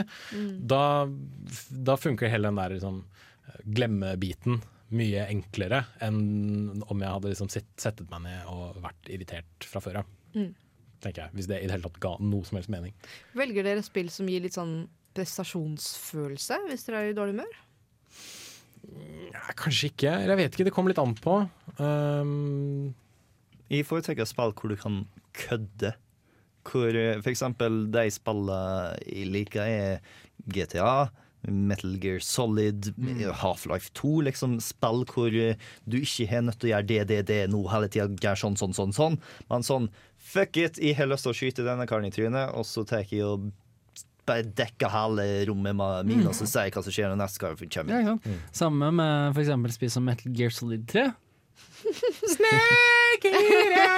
Den var litt treig, men godkjent. jeg visste ikke at du jeg, jeg, never Nei, mind. det må være Jens Erik, det er radio, det her er chop chop, her skal du følge med og sånt. Du er okay, gammel radioerfaren og alt der. Det Men i er fall, det som du også sier, si, at det er veldig morsomt at når du kan, når du kan spille, og du uansett vet alt som kjenner seg, Mm. så er veldig morsomt å kunne kødde rundt uansett. Du vet liksom eh, hvor vaktene går, du vet hva de reagerer på. Du vet eh, hva du kan gjøre med det du har i inventoryet og alle våpnene du har. Og bare finne på masse, masse kødd. Og det er litt moro. Jeg har tenkt lenge skjønner jeg, på mentaliteten mellom det type gamer som dere er, og type gamer som jeg er, med konkurransebasert. I stor grad MMO-er og versus spill ofte. Er kanskje den biten der. Fordi jeg er sånn fortest mulig ferdig. Mm. Jeg kan kødde med ting, men hvordan gjør jeg det mest mulig effektivt? Um, Oh boy. og det er en sånn bit hvor hvis jeg kan føle Altså, jeg føler prestasjon. Jeg kan, det kan gjøre hele dagen min bedre. Føler. Hvis jeg har en skikkelig drittdag, så er jeg i hvert fall god i noe, liksom. Er det, gir det mening? Det gir absolutt mening. Og eh, jeg tror med en del spill som eh, som, altså En del rogelikes, eller rogelights, er veldig sånn at du gjør det samme om igjen og om, om igjen. Liksom, Mm. Det er litt sånn grindete, men du føler lettere en prestasjon enn at du uh, grinder deg gjennom uh, 50 forskjellige mobs i World of Warcraft, f.eks. For eksempel. Mm. Fordi Mm. liksom, feedbacken du får av spillet, er liksom mye mer umiddelbar da, enn å Mm. måtte vente veldig lenge på at å ja, her kommer liksom kom prestasjonen, på en måte. Her kommer fremgangen. Mm. Tenker jeg. Kult. Jeg var nysgjerrig på hvor, eh, hvor mye jeg ville få, ut av det spørsmålet. På en måte, Fordi det kunne enten bare bli Nei, vi føler ingenting. vi føler ingenting». Men det, No var faktisk, eh, det var faktisk litt interessant å høre. Mm. Hvor eh, forskjellig man tenker på spill, og når man spiller, og hvorfor man spiller. Får med en avsluttende kommentar. eller- Det var resonnementet, var det ikke det? Ja, det var vel kanskje det. Men Du, du spør, og jeg fortsetter å si nei, jeg er ferdig, Chris. greit. Ferdig, Men da. Sier vi oss ferdig med tematapas, men i løpet av sendinga så har det kommet opp et tema som vi føler at vi nesten må nevne. Så det har kommet opp en liten nyhet som kom eh, Ja. akkurat idet vi var ferdig med radiosendinga. Så jeg var litt sånn sur over at vi ikke fikk liksom, diskutert det her i nyhetsbolkene, fordi dette her hadde jo kanskje tatt hele greia. Da. Mm. Men uh, i dette forslaget til statsbudsjettet, som har kommet ut i dag, hvis ikke det er helt feil, Mm. Ja. Det er riktig. eh, så har den nye regjeringa sagt det at eh, denne spillstøtten som vi har hatt tidligere, der eh, spillprosjekter søker om penger, og de får på begynnelsen av året en viss sum til hvert prosjekt, på en måte. Eh, Så har de nå sagt at eh, den støtten, den skal vi ikke ha lenger. Stupid. Vi skal slå strek over det, og vi skal kjøre på med en ny greie. Så det som har skjedd nå, er at nå er det én stor pott som Norsk Filminstitutt deler ut til såkalte audiovisuelle produksjoner. Vil si både film og dataspill. Eh, Den potten er på eh, litt over ja, litt over 450 millioner kroner, som er en god del. Men det blir veldig sånn at nå kan de gjøre mer på, uh, på skjønn sånn litt etter litt Mm. i løpet av året, da, istedenfor å si at «Oi, ok, uh, dere får så og så mye prosent, dere får så og så mye prosent, dere får så og så mye, dere får så og så mye. Og det kan jo for så vidt være både en fordel og en ulempe. Ja, jeg tenker liksom om her er en greie som eh, film Hva er det? Film Norsk Filminstitutt. Norsk Filminstitutt Om de, dem som har påvirka veldig mye det her. Kanskje de har opplevd at uh, noen år så trenger egentlig ikke Eller så søkes ikke om så mye penger til spill, eller så søkes ikke så mye penger til film. Mm. Og at kanskje det skal deles opp. Men jeg føler også det kan være veldig uheldig, da.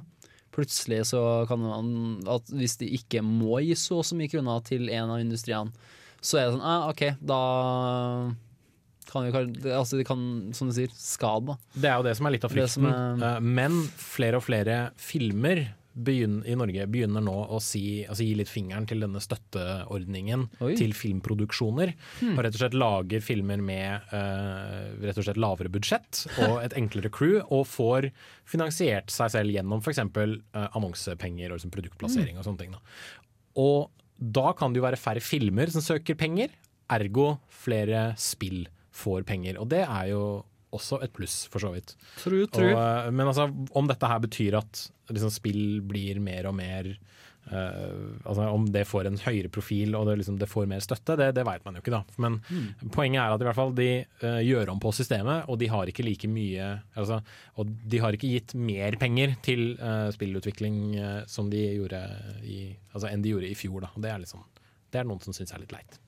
Føler jeg kan altfor lite om hvordan det her har fungert tidligere, og hvordan det her i det hele tatt er, og hva slags krav som stilles og sånn. Men hvis tilfellet er at det skal bli lettere for oss å få film og søke mer midler, så kan det jo også fint gå andre veien. Ja, ja. Hvis det nå ikke blir så vanskelig å søke om midler, ergo vil mange flere også søke om disse midlene, for de vet det er en mulighet for å få Og jeg tror det er nettopp det som skal skje, at istedenfor at de ett år sier at ok, her har vi pengene for 2014, eh, og liksom deler ut til 10 forskjellige prosjekter, 15 forskjellige prosjekter, Mm. så kan de heller si at ok, vi har så og så mye for dette året, og liksom etter hvert som året går, så behandler de søknader liksom på løpende basis. Mm. Og det er et pluss for veldig mange filmer, eh, vet jeg i hvert fall. For da slipper de å vente til liksom neste utdeling av filmfondpenger. Mm. Det jeg håper på dette fører til, er at eh, spillutviklere blir kvitt litt av kickstarter-sjuken sin, hvor de får tildelt en ganske stor mengde med penger, og så tror de at den mengden med penger er større enn det den egentlig er, Mm. og planlegger noe de ikke har råd til. Mm. Når du har mindre penger, mindre planlagt, mindre fallgruppe. Det som jeg bekymrer meg litt, er dersom de får resten av pengene, og så eh, tenker de vi får helt sikkert også penger neste gang vi søker, Mm.